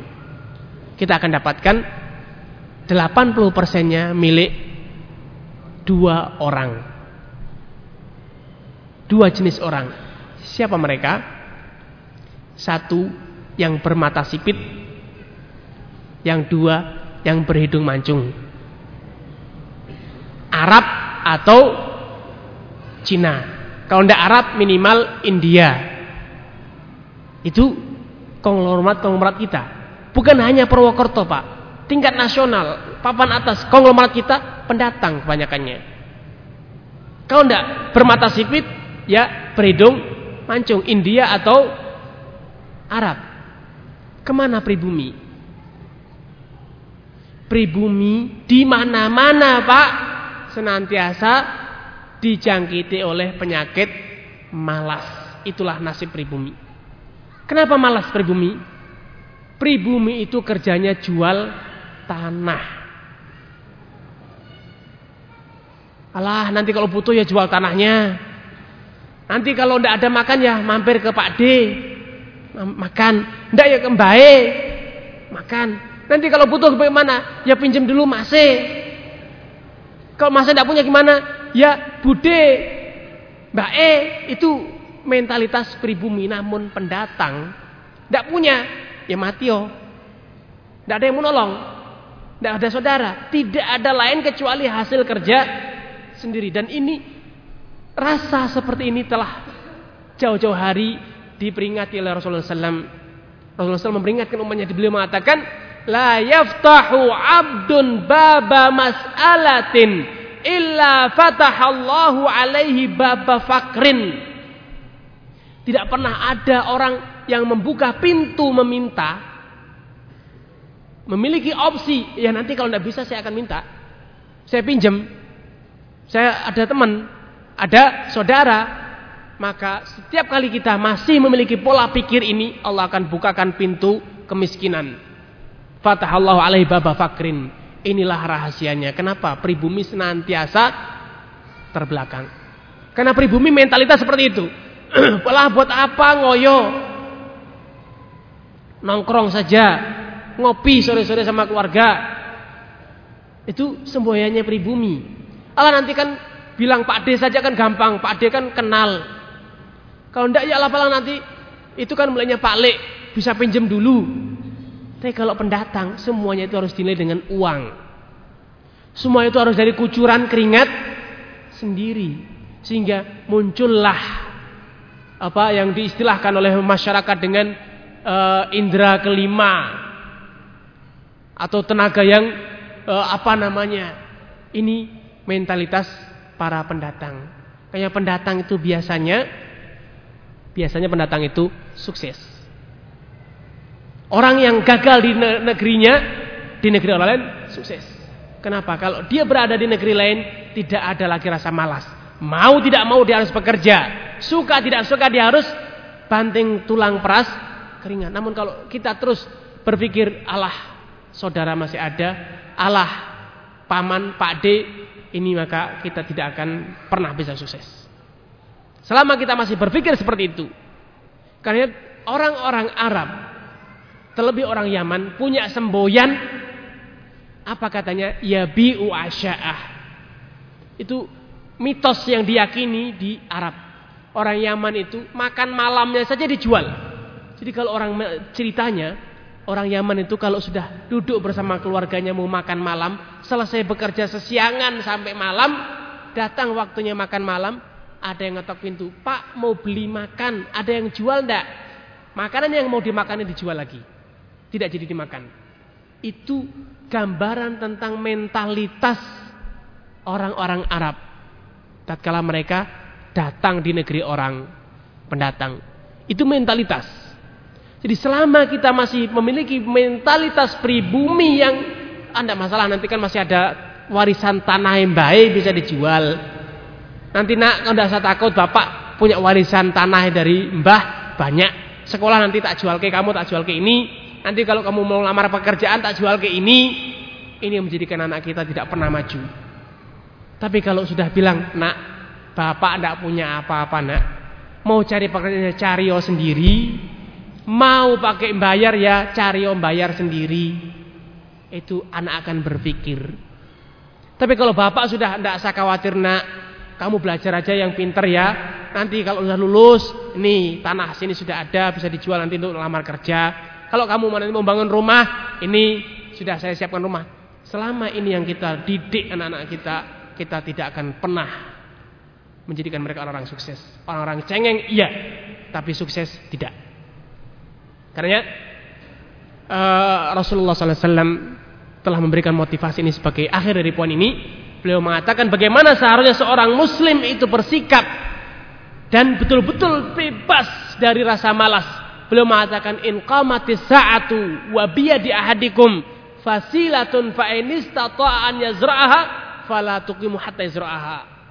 Kalau engkau mendengar berita kiamat sudah tiba padahal telanjur kalian memegang tunas korma, tunas pohon, maka kalau bisa kiamat belum sampai datang kamu sudah menanamnya, tanamlah. Itu semangat, itu motivasi yang ditanam Rasulullah. Jangan, jangan pernah ada rada nanti ditunda Allah sudah telat, tidak ada kata telat. Jadi kalaupun sudah datang berita ini kiamat mau datang, buat apa nanam? Tapi kata Nabi tidak. Kalau memang sudah mau nanam, sudah ada di tangan kalian tunas pohon, tanam. Walau sudah ada pengumuman kiamat akan segera datang. Jadi seorang muslim pantang namanya malas.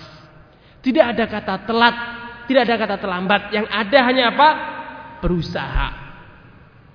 Karena hasil seperti tadi telah jelaskan itu adalah di tangan Allah. Yang ada semangat, optimis. Walau sudah telat, semua sekarang sudah konglomerat yang menguasai, tidak ada kata telat. Jadi kalaupun sampai kiamat yang sudah datang, tetap kita berkarya, tetap bekerja, berusaha. Itu mentalitas yang seharusnya dimiliki oleh orang Muslim. Kemudian kiat yang kelima agar kita menjadi orang sukses adalah kita itu harus memiliki pengorbanan. Siap berkorban. Sukses itu tidak mungkin datang sendiri. Tidak mungkin datang begitu saja. Kita tidur, bangun, tiba-tiba datang sukses tidak mungkin. Kita tidak pernah bekerja, tidak pernah berbuat apa-apa, tiba-tiba ada yang ngetok pintu, "Pak, bagaimana kalau saya jadikan Bapak sebagai direktur perusahaan saya?" Mana ada yang mau? Itu terjadi kapan? Setelah Bapak berkarya, membuktikan bahwa Bapak punya potensi, punya kans untuk memimpin perusahaan. Baru akan ada siapa yang mengetuk pintu, Pak tolong perusahaan saya dipimpin. Itu akan ada. Namun sebelum terjadi pengorbanan, tidak mungkin ada seperti itu. Jadi kalau sukses, ingin sukses, berkorbanlah. Pengorbanan itu tidak mesti harus uang. Pengorbanan itu bisa waktu, tenaga, pikiran, berbagai macam hal yang bisa kita korbankan untuk mengukir sukses. Karena kalau kita ingin memiliki bagian dari sukses dunia ini, kita harus pikirkan apa yang bisa saya korbankan. Kalau tidak punya uang, maka korbankanlah ketekunan Anda tekuni. Belajar. Coba pengalaman. Saya pernah ada kenalan seorang pengusaha kayu di Klaten sini dekat.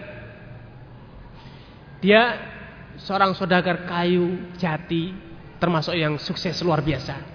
Tapi untuk bisa menjadi pedagang kayu sukses, dia berkorban 9 tahun bekerja di tempat pedagang kayu tanpa diupah. Apa yang dia mau? Dia hanya ingin belajar pengalaman. Tahu bagaimana memilih kayu, menjual kayu, menyimpan kayu, membeli kayu, bagaimana membangun relasi, bagaimana menawarkan dan seterusnya. Setelah 9 tahun dia pamitan keluar dari tempat kerjanya, dia mulai merintis. Kerja betulan dengan upah. Setelah dia punya modal sedikit sedikit dia mulai bangun. Dia mulai membangun.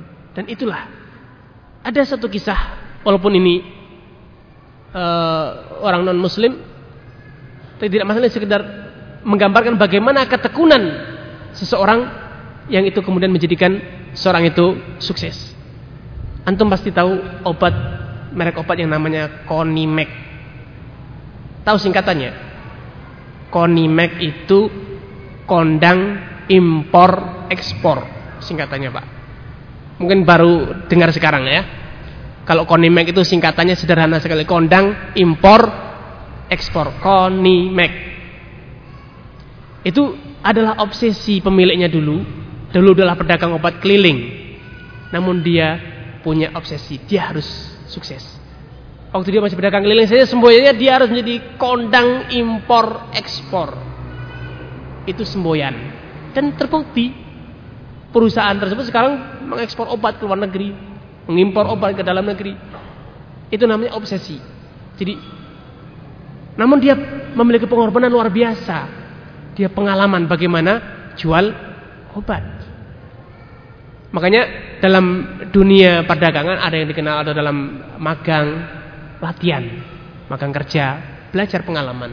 Apa salahnya kalau kita korban waktu, korban tenaga, kita belajar pengalaman. Namun dari pengalaman tersebut kita akan mendapatkan banyak hal yang tidak bisa kita dapat dari orang tua kita, dari warisan kita, dari bangku sekolah. Jadi apa pun, sukses apa pun yang ingin kita wujudkan, itu harus dikorbani. Ada pengorbanannya. Sayangnya, kita kalau ingin belajar sukses, seringnya belajar sukses dari orang sukses dengan cara apa? Membaca biografinya. Biografinya itu sering banyak yang ditutupi. Pengorbanannya, jatuh bangunnya itu sering kali tidak disebut secara global saja. Seringkali kita melihat orang sukses hanya hasil akhirnya oh fulan jadi konglomerat kaya raya.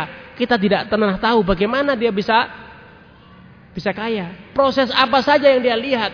Betapa banyak pengorbanan-pengorbanan yang dia lakukan. Itu namanya sukses. Jadi sukses itu pasti butuh pengorbanan. Kalau kita ingin sukses, maka tanya dulu apa pengorbanan yang akan Anda berikan. Sebesar apa? Jadi kalau Anda ingin membangun satu rumah misalnya, rumah yang bagus pasti butuh pengorbanan yang besar. Kalau Anda ingin membangun satu e, bisnis yang besar, Anda pun harus mengeluarkan modal yang besar. Kalau Anda ingin menjadi seorang pelajar yang sukses, memiliki ilmu yang luar biasa, Anda butuh pengorbanan waktu, tenaga, pikiran, konsentrasi dan lain sebagainya. Karena sukses itu tidak ada yang instan. Kita beli, kita minum, langsung jadi orang sukses tidak ada resepnya. In, apa, sukses itu tidak ada yang instan. Sukses itu adalah proses dan proses itu pasti ada pengorbanannya. Karena lihatlah di saat krisis pengusaha-pengusaha yang eksis walau ditimpa krisis adalah pengusaha yang merintis suksesnya dari nol, dari kecil. Dia telah pengalaman dengan jatuh bangun. Tapi perusahaan yang dibangunkan oleh bapaknya, dimodali oleh ayahnya, sering kali perusahaan tersebut sekedar terkena goncangan krisis akan hancur. Kolap, bangkrut dan lain sebagainya. Kenapa? Dia tidak pernah mengalami masa-masa susah. Sehingga dia tidak siap untuk berhadapan dengan masa susah setelah dia merasakan enaknya kaya.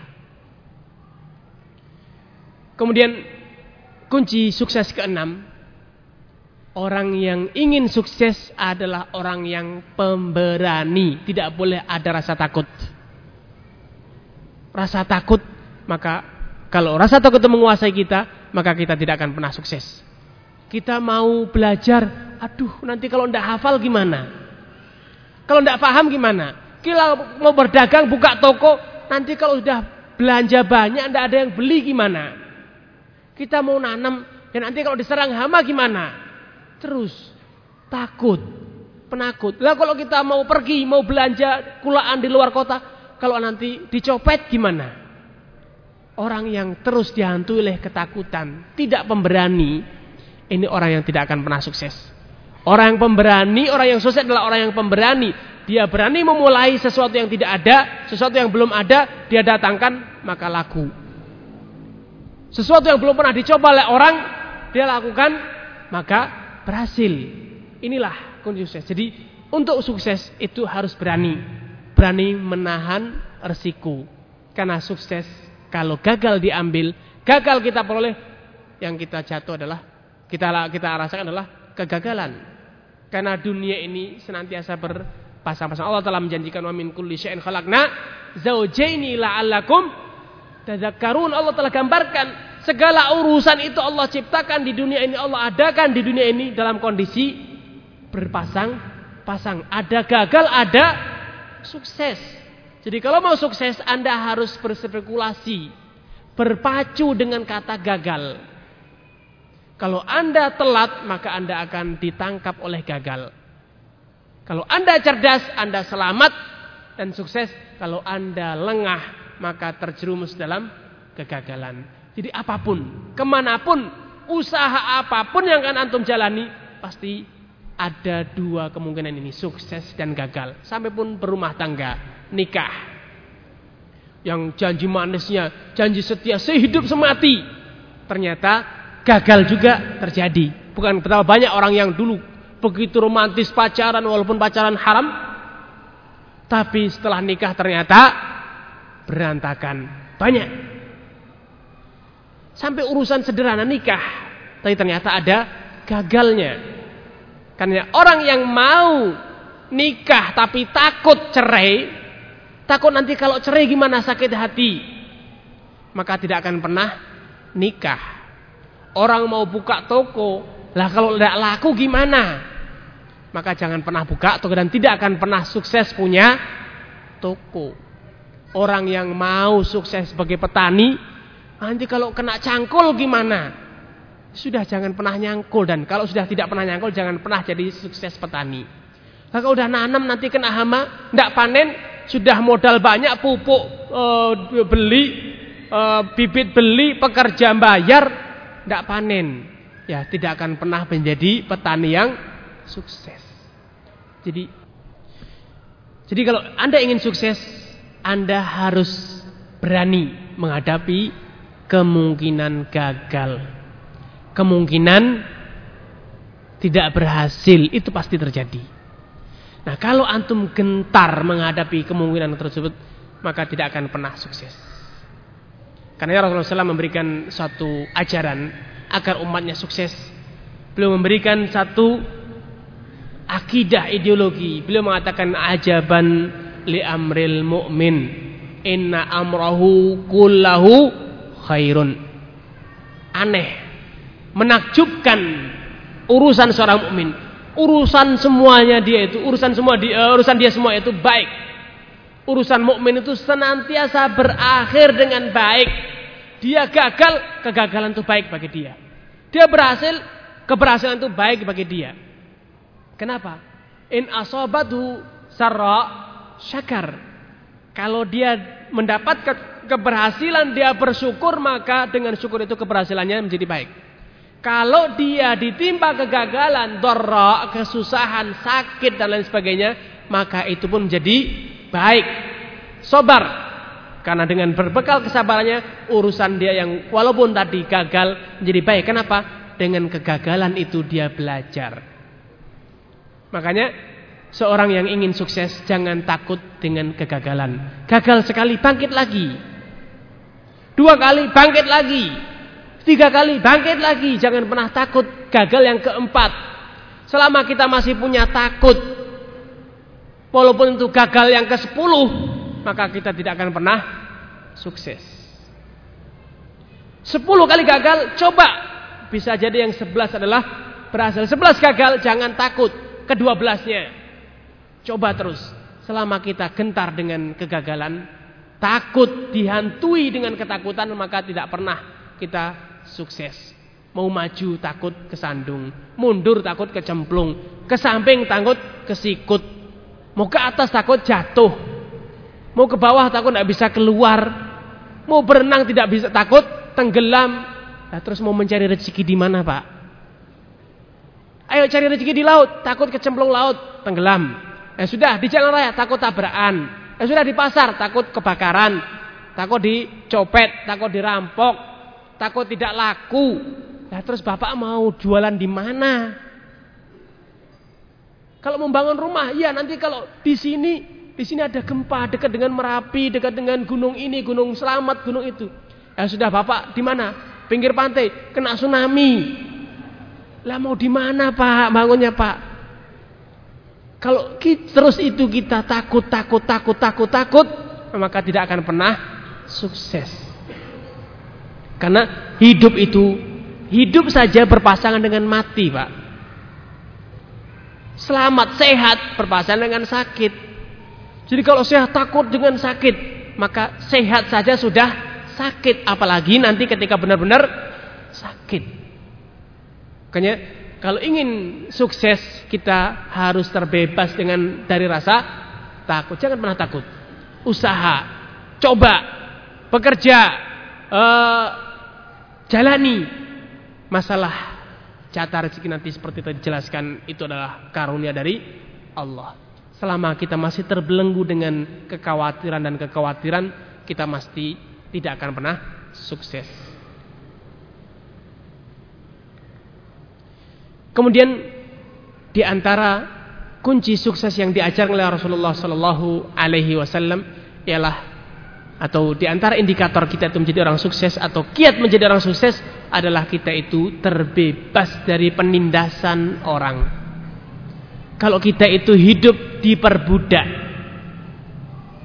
maka kita tidak akan pernah bisa sukses.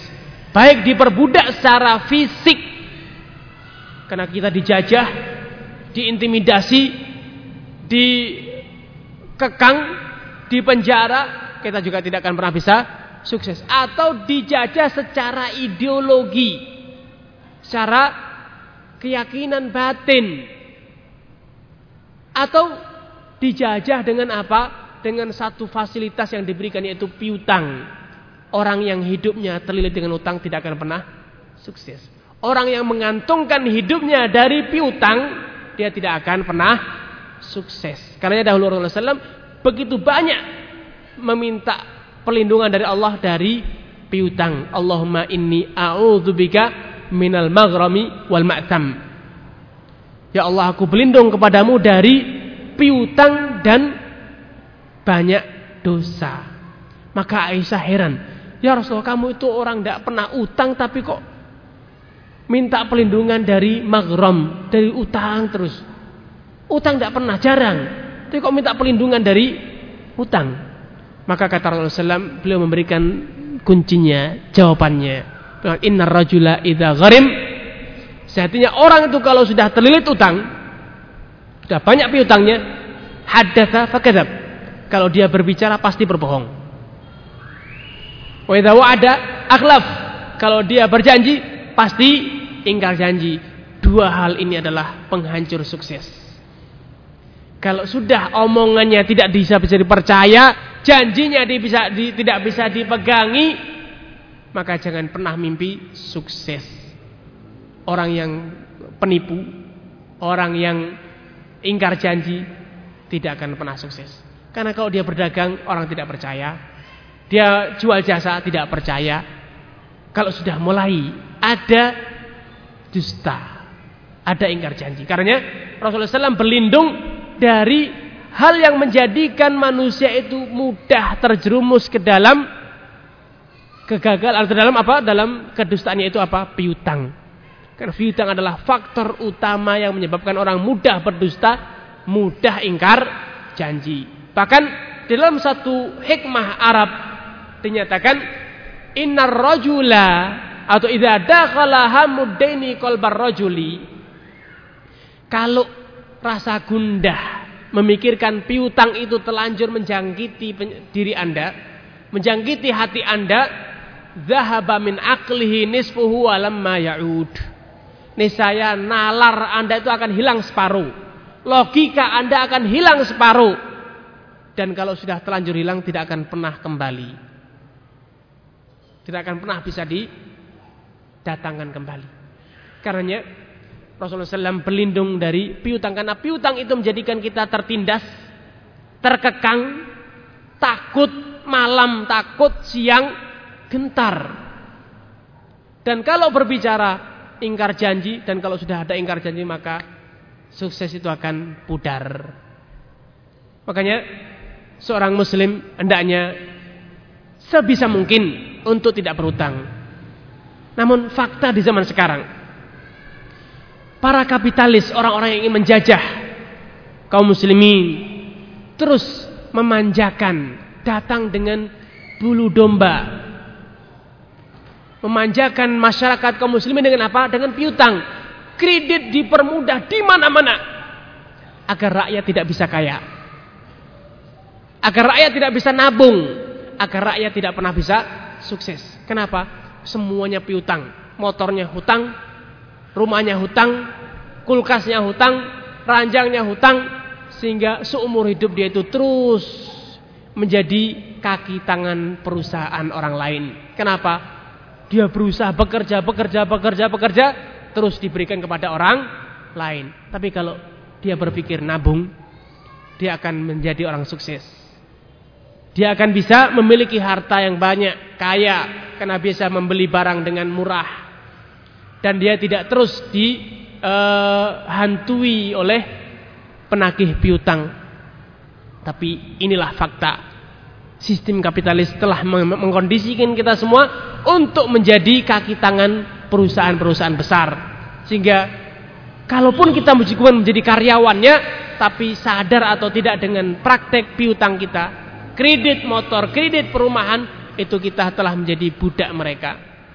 Karena terus kita itu harus membayar, harus membayar. Selesai dari piutang satu, diberi piutang kedua, beliau yang kedua selesai piutang ketiga sehingga terus hidup kita itu dari hutang ke hutang. Kita tidak akan pernah merasakan hidup bahagia.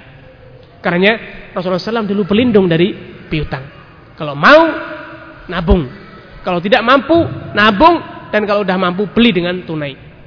Tapi kalau berhutang itu menjadikan kita tidak produktif dan kalaupun kita menghasilkan, maka hasilnya yang menikmati orang lain. Karena dia terus mendapatkan keuntungan besar. Sedangkan kita di saat kredit kita lunas, motor kita sudah rusak, rumah kita sudah butuh renovasi. Sehingga hasilnya apa? Hasilnya terus kita tidak pernah menjadi orang sukses. Karena waspadalah terhadap piutang. Kemudian Kunci sukses terakhir yang kedelapan ialah jangan pernah menjadi pengikut. Pengikut itu tidak pernah sukses. Ekor, antum lihatlah ekor ikan. Sebesar-besar ekor ikan paus itu hanya jadi budak.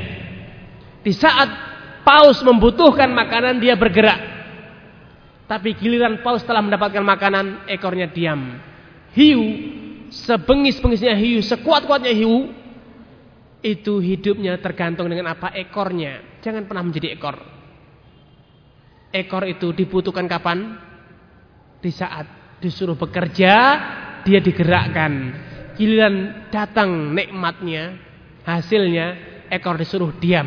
Diam ekor karena kalau ekor bergerak maka tidak jadi makan. Dia tidak akan bisa menikmati. Karena Jangan pernah menjadi budak, jangan pernah menjadi pengikut, jadilah kepala. Hiduplah merdeka. Mungkin antum mengatakan, Pak Ustadz Alhamdulillah kita itu sudah merdeka 1945 yang lalu.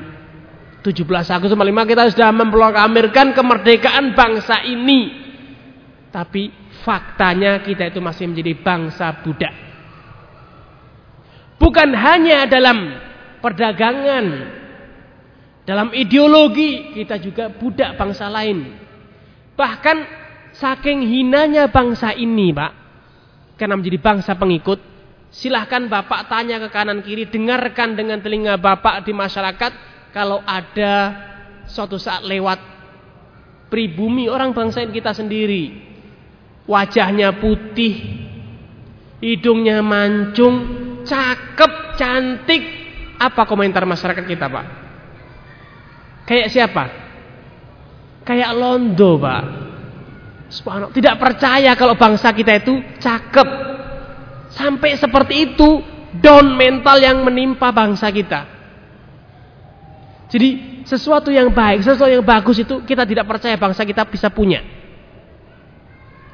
Sehingga kita terus menjadi pengikut. Hobinya bangsa ini, masyarakat kita kalau membeli produk orang lain, kalau menggunakan nama orang lain. Tapi kalau menggunakan nama sendiri, kita itu merasa terhina. Kita merasa terhina. Karenanya, lihatlah sampai DPR saja ketika mau butuh kursi belinya dari luar, Pak. Padahal di negeri kita itu jagonya bikin kursi. Tapi beli dari luar. Kenapa? Merasa bangga kalau menggunakan kursi dari luar. Betapa banyak merek-merek pakaian, merek sepatu dan lainnya dibuatnya di negeri kita. Tapi terus masyarakat bangga kalau membeli merek lain. Jadi ketika dibeli dua negeri kita, distempel oleh merek lain dengan merek ini merek itu, masuk lagi ke Indonesia dengan harga mahal. Coklat, kalau kita berbicara coklat, Indonesia ini adalah rajanya coklat. Di sinilah penghasil coklat terbesar di dunia. Tapi negara manakah yang terkenal dengan coklatnya, Pak? Swiss. Aneh. Swiss itu tidak punya ladang coklat, Pak. Tidak punya perkebunan coklat, tapi terkenal dengan coklatnya. Coklatnya dari mana? Dari Jawa, Pak. Kok bisa? Itulah nama. Jadi bangsa ini tidak percaya dengan produknya sendiri. Terus menjadi bangsa budak mengekor, mengikuti, mengeblat kepada orang lain. Jadi saya pernah diskusi dengan eh, apa namanya orang-orang PTPN 12 di Jember. Nanya, Di sana ada pusat riset coklat dan kopi. Berhasil memproduksi minyak kakao dan serbuk kakao. Saya tanya, dibuat ke mana? Dikirim ke Jepang, dikirim ke luar negeri. Kenapa tidak dijual di dalam negeri? Tidak laku. Saya tanya, kenapa tidak laku? Masyarakat tidak percaya dengan produk kita. Tapi luar negeri percaya. Jadi kalau mereka butuh coklat kakao untuk buat coklat agar enak, itu beli dari Indonesia. Bapak kalau mau tahu, rasa coklat itu terasa enak kapan? Ketika menggunakan minyak kakao. Coklat itu terasa enak kalau minyaknya menggunakan minyak kakao. Tapi kalau minyaknya menggunakan minyak sawit, rasanya tengik, tidak enak seperti coklat yang banyak dijual di pasaran. Telat dimakan, tengik, jamuran. Itu sebabnya adalah menggunakan minyak sawit. Tapi kalau menggunakan minyak kakao dan menggunakan susu yang asli, maka terasa gurih sekali coklat itu. Tapi itu tidak laku kalau dibuat di Indonesia. Indonesia berbondong-bondong ke Swiss untuk beli coklat Indonesia di sana. Jadi kalau ada di sana, beli. Saya pernah punya saudara haji, ingin oleh-oleh untuk keluarganya, beli oleh-oleh haji itu biasanya topi, tasbih, itu oleh-oleh haji sajadah. Biasa oleh-oleh haji formal. Ketika dia sudah beli peci bagus, dia pakai bangga, wah bagus. Dia masuk ke kamar, dibuka-buka ternyata buatan ngampel. Lu ternyata tempat seni kebetulan di orang Sidoarjo. Nah, ngapain saya beli jauh-jauh dari Mekah?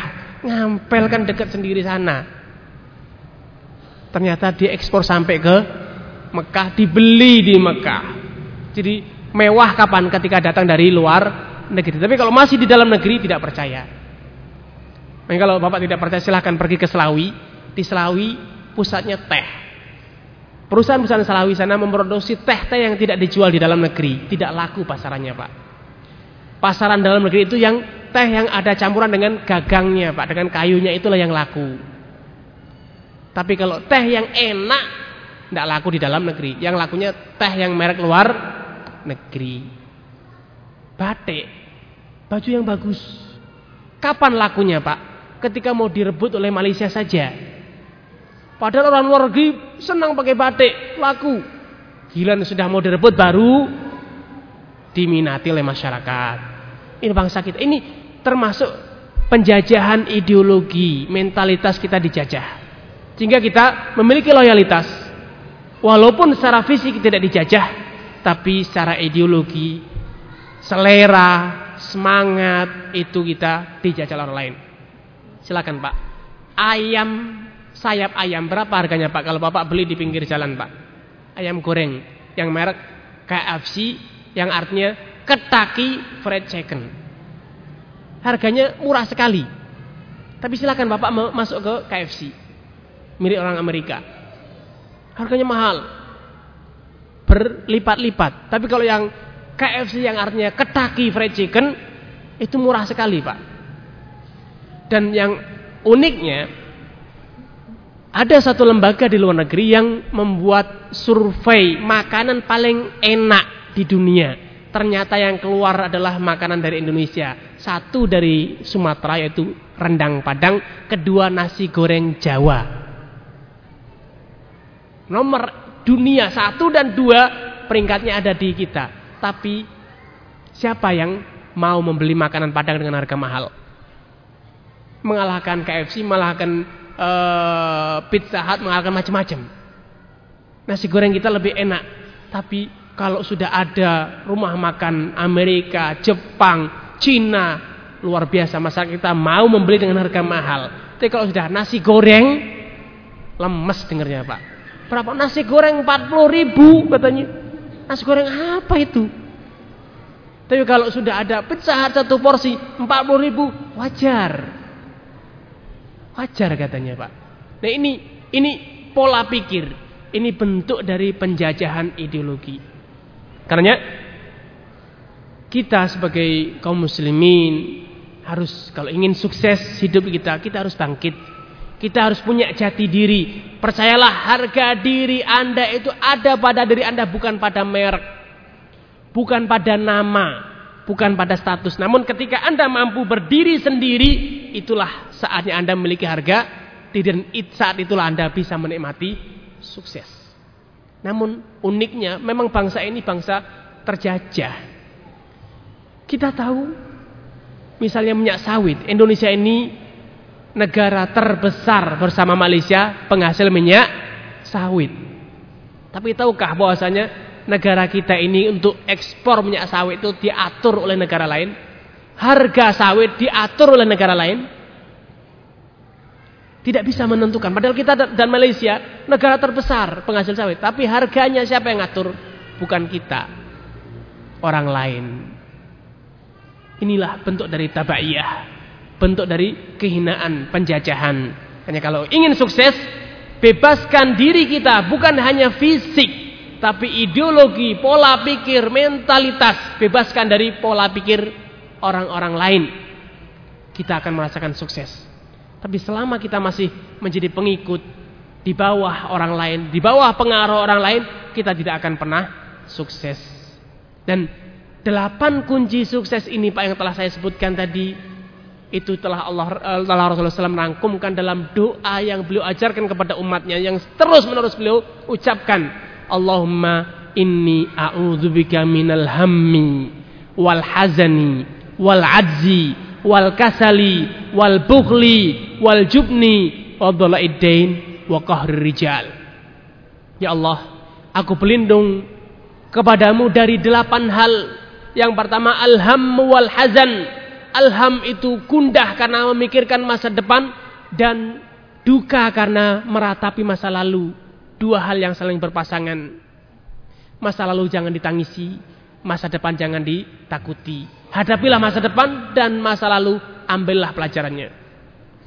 Kemudian hal kedua atau pasangan kedua selanjutnya yang Rasulullah SAW berlindung darinya wal azzi wal kasal. Aku berlindung dari tidak berdaya dan rasa malas. Kata Ibnul Qayyim, gagal mendapatkan sukses itu hanya ada dua faktornya.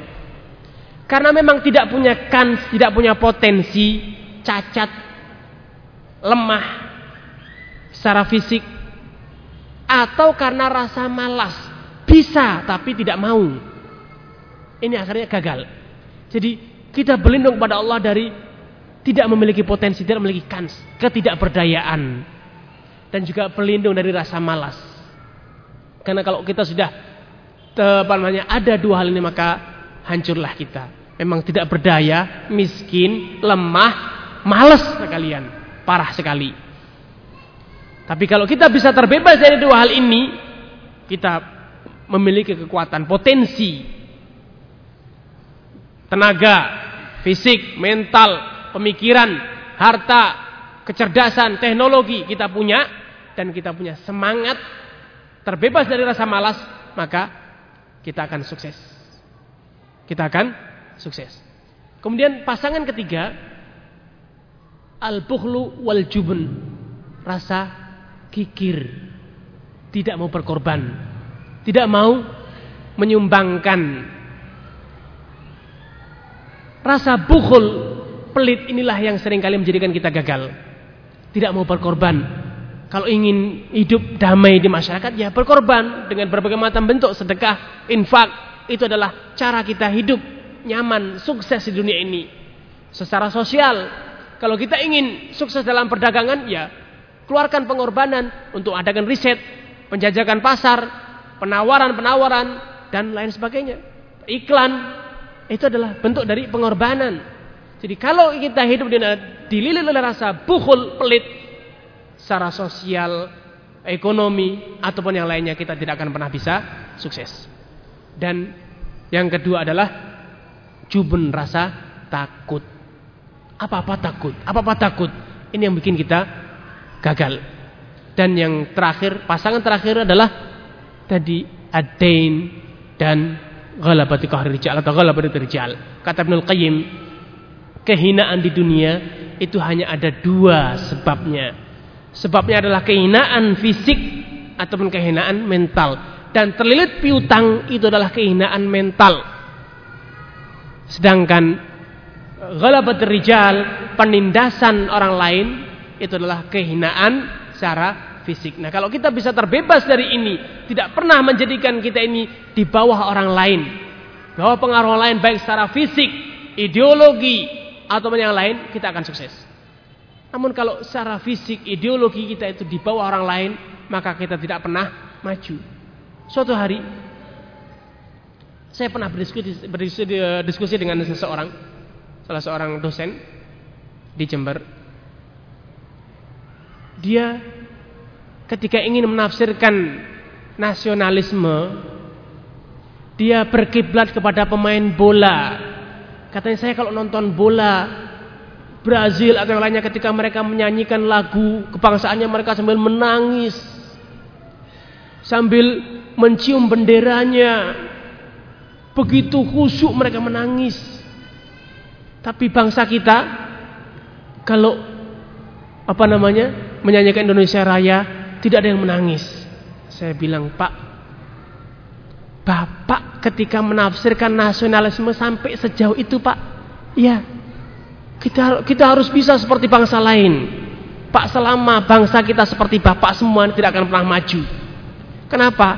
Penafsiran tentang nasionalisme saja niru orang lain. Jadi kalau orang lain nangis kita ikut nangis. Kalau saya Pak, penafsiran nasionalisme itu tidak seperti itu. Nasionalisme yang benar adalah nasionalisme yang produktif. Beli merek dalam negeri, itu nasionalisme yang benar. Membangun dalam negeri, tidak korupsi, kerja tepat waktu, itulah nasionalisme yang benar. Tapi nangisi bendera tapi kerjanya korupsi, itu bukan nasionalisme, Pak. Nangisi bendera, nyanyi Indonesia Raya, hafal ngelotok. Tapi merek pakaiannya merek luar negeri, bangganya menggunakan produk luar negeri, itu bukan nasionalisme. Itu air mata buaya, Pak. Saya bilang, kalau nasionalisme contohnya adalah ketika batik mau diklaim oleh Malaysia baru bangkit nasionalisme. Semua pakai batik. Itu nasionalisme, Pak. Saya bilang seperti ini. Selama kita ideologi pola pikir kita berkiblat sama orang kita tidak akan pernah percaya. Tidak pernah bisa maju. Teknologi pun demikian. Selama kita belajar teknologi itu hanya niru orang lain, maka kita tidak akan pernah maju karena ditinggal. Barat yang kita jadikan kiblat teknologi, kita sedang belajar teknologi yang mereka punya sekarang, kita beli, kita pelajari, barat sudah mempelajari barang yang baru, muncul lagi yang baru. Kita terus akan ketinggalan. Namun kita itu harus bisa membuat format sendiri, membuat produk sendiri, bangga dengan hasil bangsa sendiri. Inilah yang namanya nasionalisme, inilah kemajuan. Selama kita masih dijajah mentalitas kita, maka kita tidak akan pernah maju. Kita terus dikatakan negara berkembang. Kenapa? Kita terus meniru milik orang lain. Sedangkan orang lain sudah membuat yang baru. Terus ditinggal terus ditinggal. Ini faktanya seperti itu. Makanya bangsa kita walaupun konglomeratnya luar biasa sekarang menjadi ekonominya menjadi termasuk se-20 besar dunia. Tapi tetap saja kita dikatakan sebagai negara ketiga Kenapa? Semua kebijaksanaannya, teknologinya, pendidikannya semuanya berkiblat kepada orang lain, tidak pernah bisa mandiri. Sampai produk hukumnya pun masih berkiblat dengan hukum orang lain. Inilah faktanya. Karena kita harus mandiri. Mari kita bangun negara kita ini, bangsa kita ini menjadi bangsa yang sukses dengan cara dan hasil kerja bangsa sendiri. Kayak dahulu contoh nyata misalnya ketika ini sekedar cerita sebelum saya akhiri Raja kerajaan Saudi Arabia tatkala dililit piutang di zaman Raja Saud bin Abdul Aziz, utang yang menurut prediksi tidak akan bisa dilunasi oleh negaranya. Berapapun mereka bekerja, apa yang dilakukan oleh Raja Faisal? Ketika Raja Saud eh, diturunkan dan diganti dengan Raja Faisal adiknya, pertama yang beliau hentikan adalah impor. Hentikan semuanya impor. Karena impor ini akan menghancurkan negara kita Terus kita menggunakan uang orang. Menggunakan uang orang, menggunakan produk orang dihentikan impor sehingga tidak lagi ada utang baru. Terus digenjot ekspornya, digenjot produk dalam negeri dalam tiga tahun kurang atau lebih tidak lama negara bebas dari piutang. Ekstrim memang, tapi cepat selesai maju. Sehingga sekarang kerajaan saja menjadi negara petrodolar. Kaya raya. Karena beliau membangun merintis ekonominya dengan cara-cara yang mandiri. Tidak mau didikte. Sehingga ketika dia tahu sadar bahwasanya menghancurkan adalah besarnya nilai impor yang tidak sebanding dengan ekspor, dihentikan impor. Namun bangsa kita tidak sebaliknya. Impor dibuka kerannya selebar-lebarnya. Kerjasama uh, antar negara bebas fiskal macam-macam terus. Perdagangan bebas kita ikut padahal negara kita tidak siap. Rakyat kita tidak siap. Pengusaha kita tidak siap. Akhirnya terus produk kita banjir, negara kita banjir dengan sampah negara lain. Sampah negara lain, produk yang tidak laku di sana dikirim ke sini, bahkan barang bekas di sana dikirim ke sini. Ini yang menjadikan apa namanya? bangsa kita ekonominya hancur berantakan, rakyatnya banyak yang pengangguran, toko-toko banyak yang tutup, warung-warung banyak tutup. Kenapa? Mal-mal miliknya orang barat, orang luar diizinkan bebas masuk. Inilah kapitalis. Karena kalau kita ingin maju, kita harus berdiri di kaki sendiri. Kita harus bebas dari pengaruh orang lain, baik secara ideologi, undang-undang, ekonomi, pendidikan ataupun yang lain kita harus berdiri sendiri. Dengan cara itulah kita akan sukses. Ini dalam skup yang luas, dalam skup yang sempit pun demikian. Kalau kita ingin sukses, kita pun harus mandiri, jangan ikut-ikutan orang. Yang jadi masalahnya sering kali kita itu hanya percaya sama orang. Percaya sama orang. Kata orang, kata orang, kata orang. Akhirnya kita tidak pernah bisa eksperimen sendiri, mencoba sendiri, membuat formula sendiri.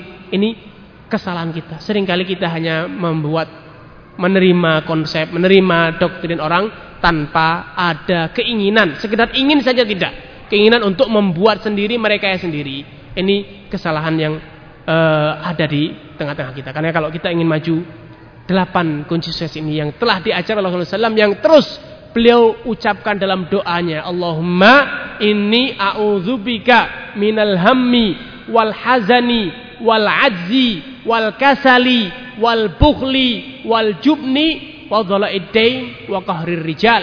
Ini kita aplikasikan dalam kehidupan kita insyaallah sukses itu akan terwujud dalam segala aspek kita, dalam sosial, dalam budaya, dalam uh, namanya ekonomi, teknologi ataupun apa pun atau dalam rumah tangga kita kita akan sukses. Jadi kalau rumah tangga kita dalam skup yang kecil rumah tangga kita terus ditindas oleh orang lain, terus dihantui oleh ketakutan, terus dihantui oleh duka, ini pasti rumah tangga kita akan tidak akan pernah merasakan sukses yang sebenarnya wallahu taala a'lam. Ini yang bisa disampaikan. Mungkin uh, waktu yang tersisa untuk sesi tanya jawab silakan. Ya. Pertanyaan pertama, masalah jeleknya hutang bagaimana hukum dari usaha perkreditan apakah dosa karena menjadi motivator orang untuk berhutang? Dua masalah yang berbeda. Menghutangi adalah suatu hal yang baik. Kalau antum mampu, ada orang tidak mampu, hutangi, bagus. Namun jangan dipungut riba. Tapi Anda sebagai konsumen jangan besar pasak daripada tiang. Kalau tidak mampu, buat apa berutang? Kalau berat, buat apa memaksakan membeli? Apa salahnya menabung? Jadi dua hal yang berbeda. Yang mengutangi dianjurkan, memudahkan. Ini kan adalah tolong menolong. Namun jangan sampai ada keuntungan, ada bunga, ada denda. Tapi dari Anda sebagai konsumen, Anda hendaknya waspada. Jangan ceroboh dalam piutang sehingga terjerumus dalam besar pasak daripada tiang. Apakah haram memakai atau membeli produk bangsa kafir? Tidak haram, namun kalau berdampak berakibat pada kita didikte oleh negara lain.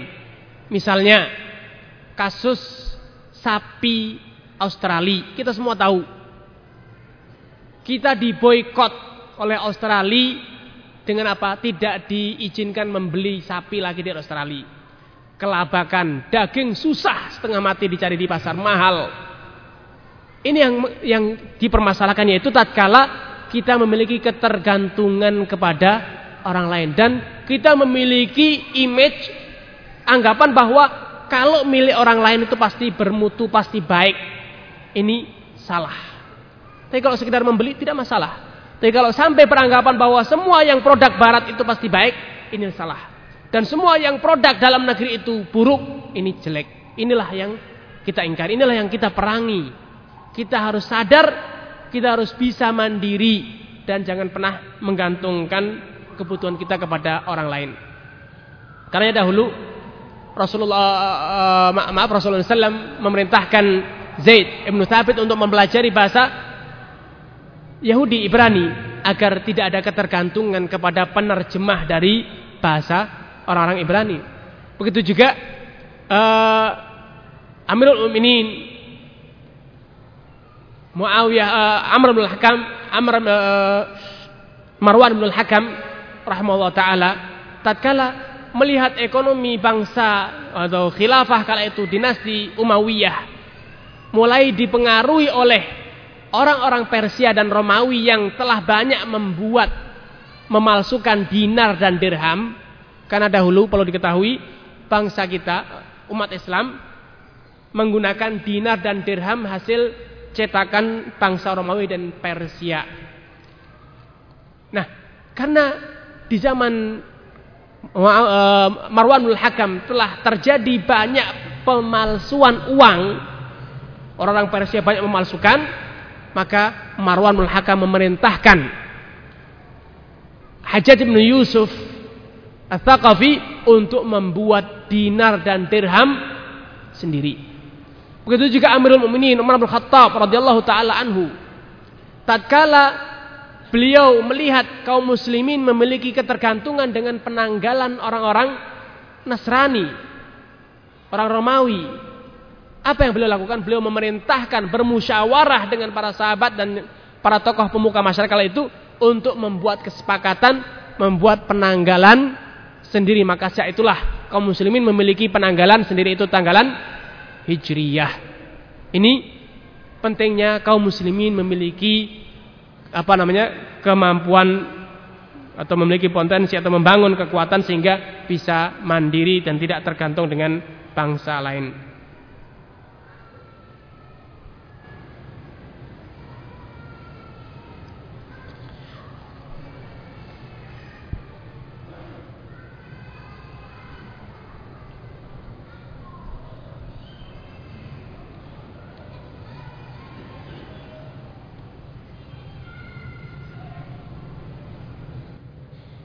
Dalam memasarkan atau menawarkan sebuah produk yang mana harus berhadapan dengan konsumen dibutuhkan keramah tamahan, senyum, keakraban. Lalu bagaimana ketika bertemu dengan lawan jenis?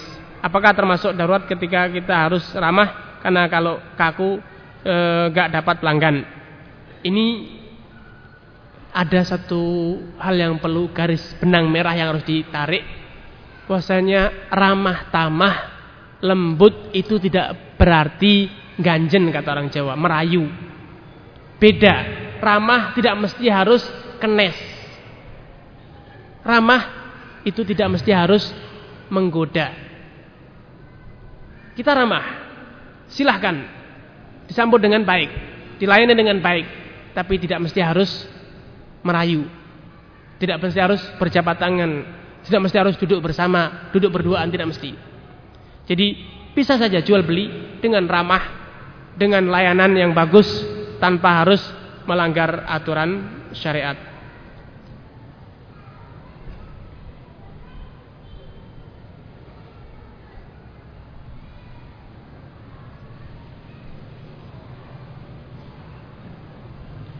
Bagaimana cara menumbuhkan etos kerja?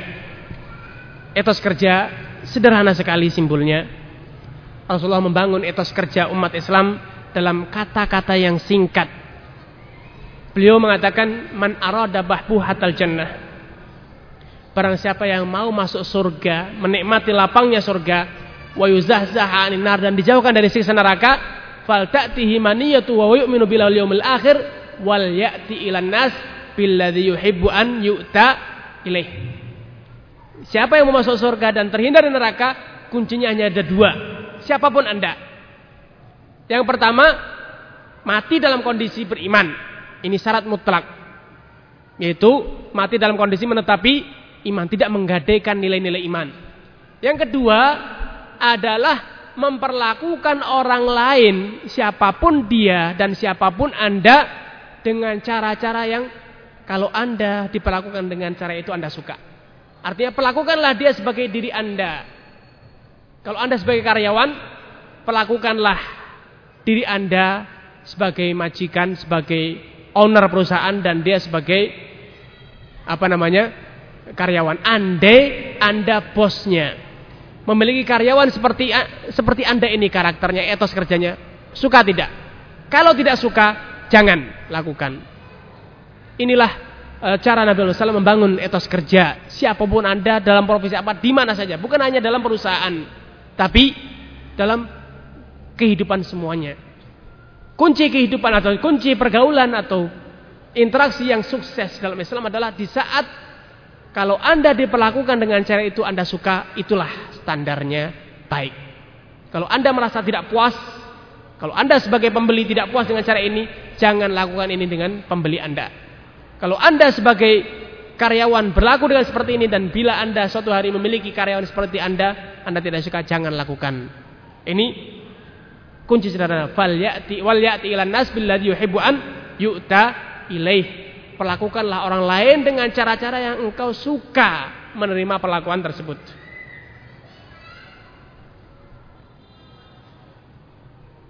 Kalau mengatakan pada anak yang penting kamu belajar yang rajin, masalah biaya bapak yang tanggung, atau masih ada yang lebih baik lagi ucapan yang membuat anak menjadi termotivasi dalam belajar tanpa memikirkan biaya pendidikan. Ini adalah pola pikir orang tua yang salah.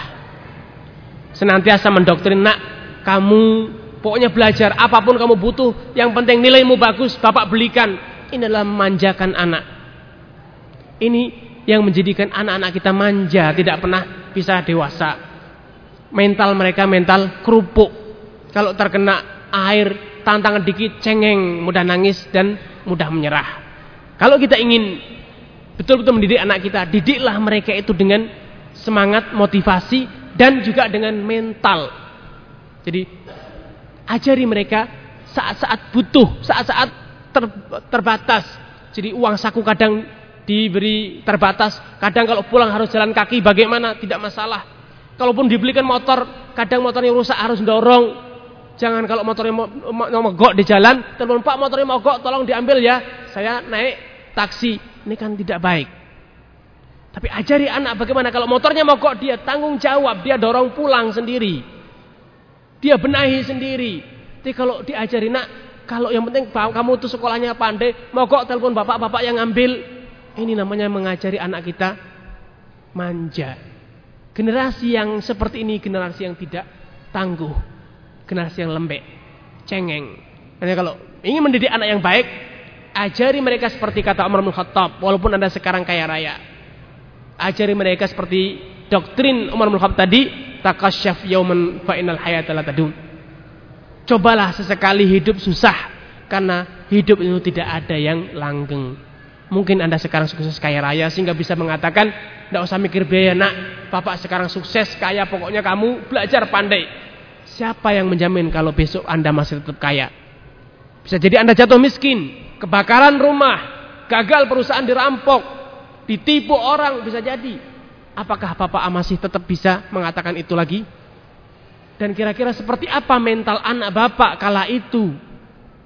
Ketika jatuh miskin mendadak, yang terbiasa dengan fasilitas semua dimanjakan. Al-hayatul tadum, kehidupan itu tidak ada yang langgeng.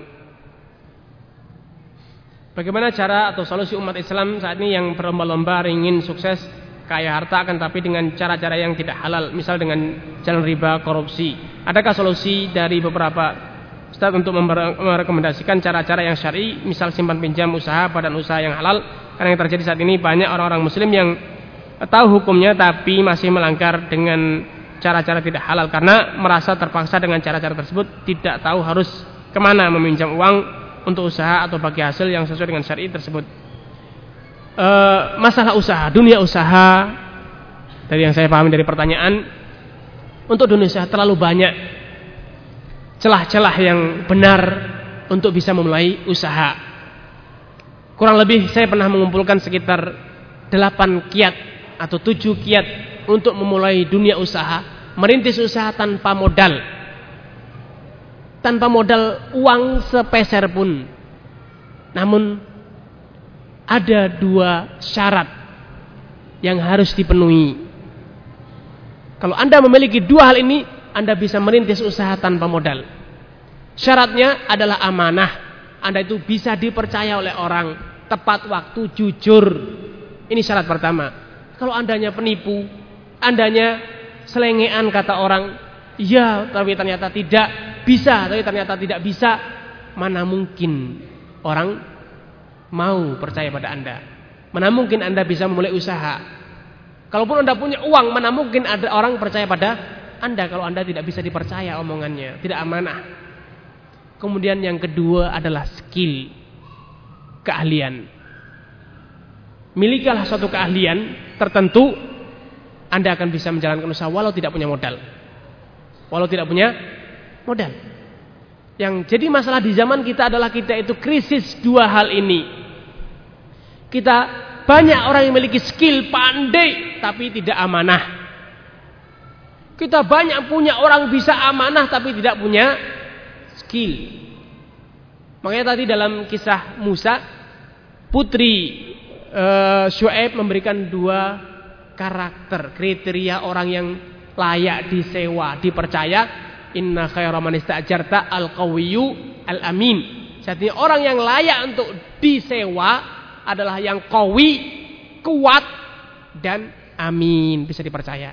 Kalau Anda punya dua hal ini, saya jamin dengan mudah Anda bisa punya usaha walau tidak punya modal. Dengan mudah Anda bisa mendapatkan modal, baik itu pinjaman atau yang lain.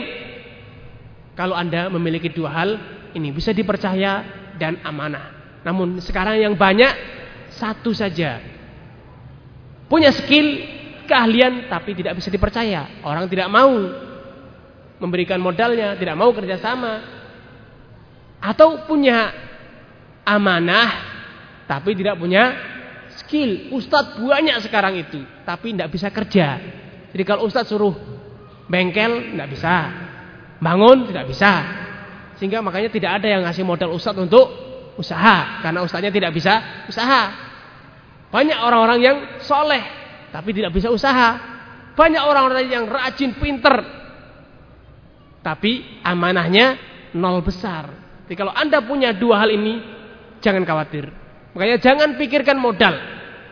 Orang yang memulai usaha dan dimulai dari modal, modalnya mana?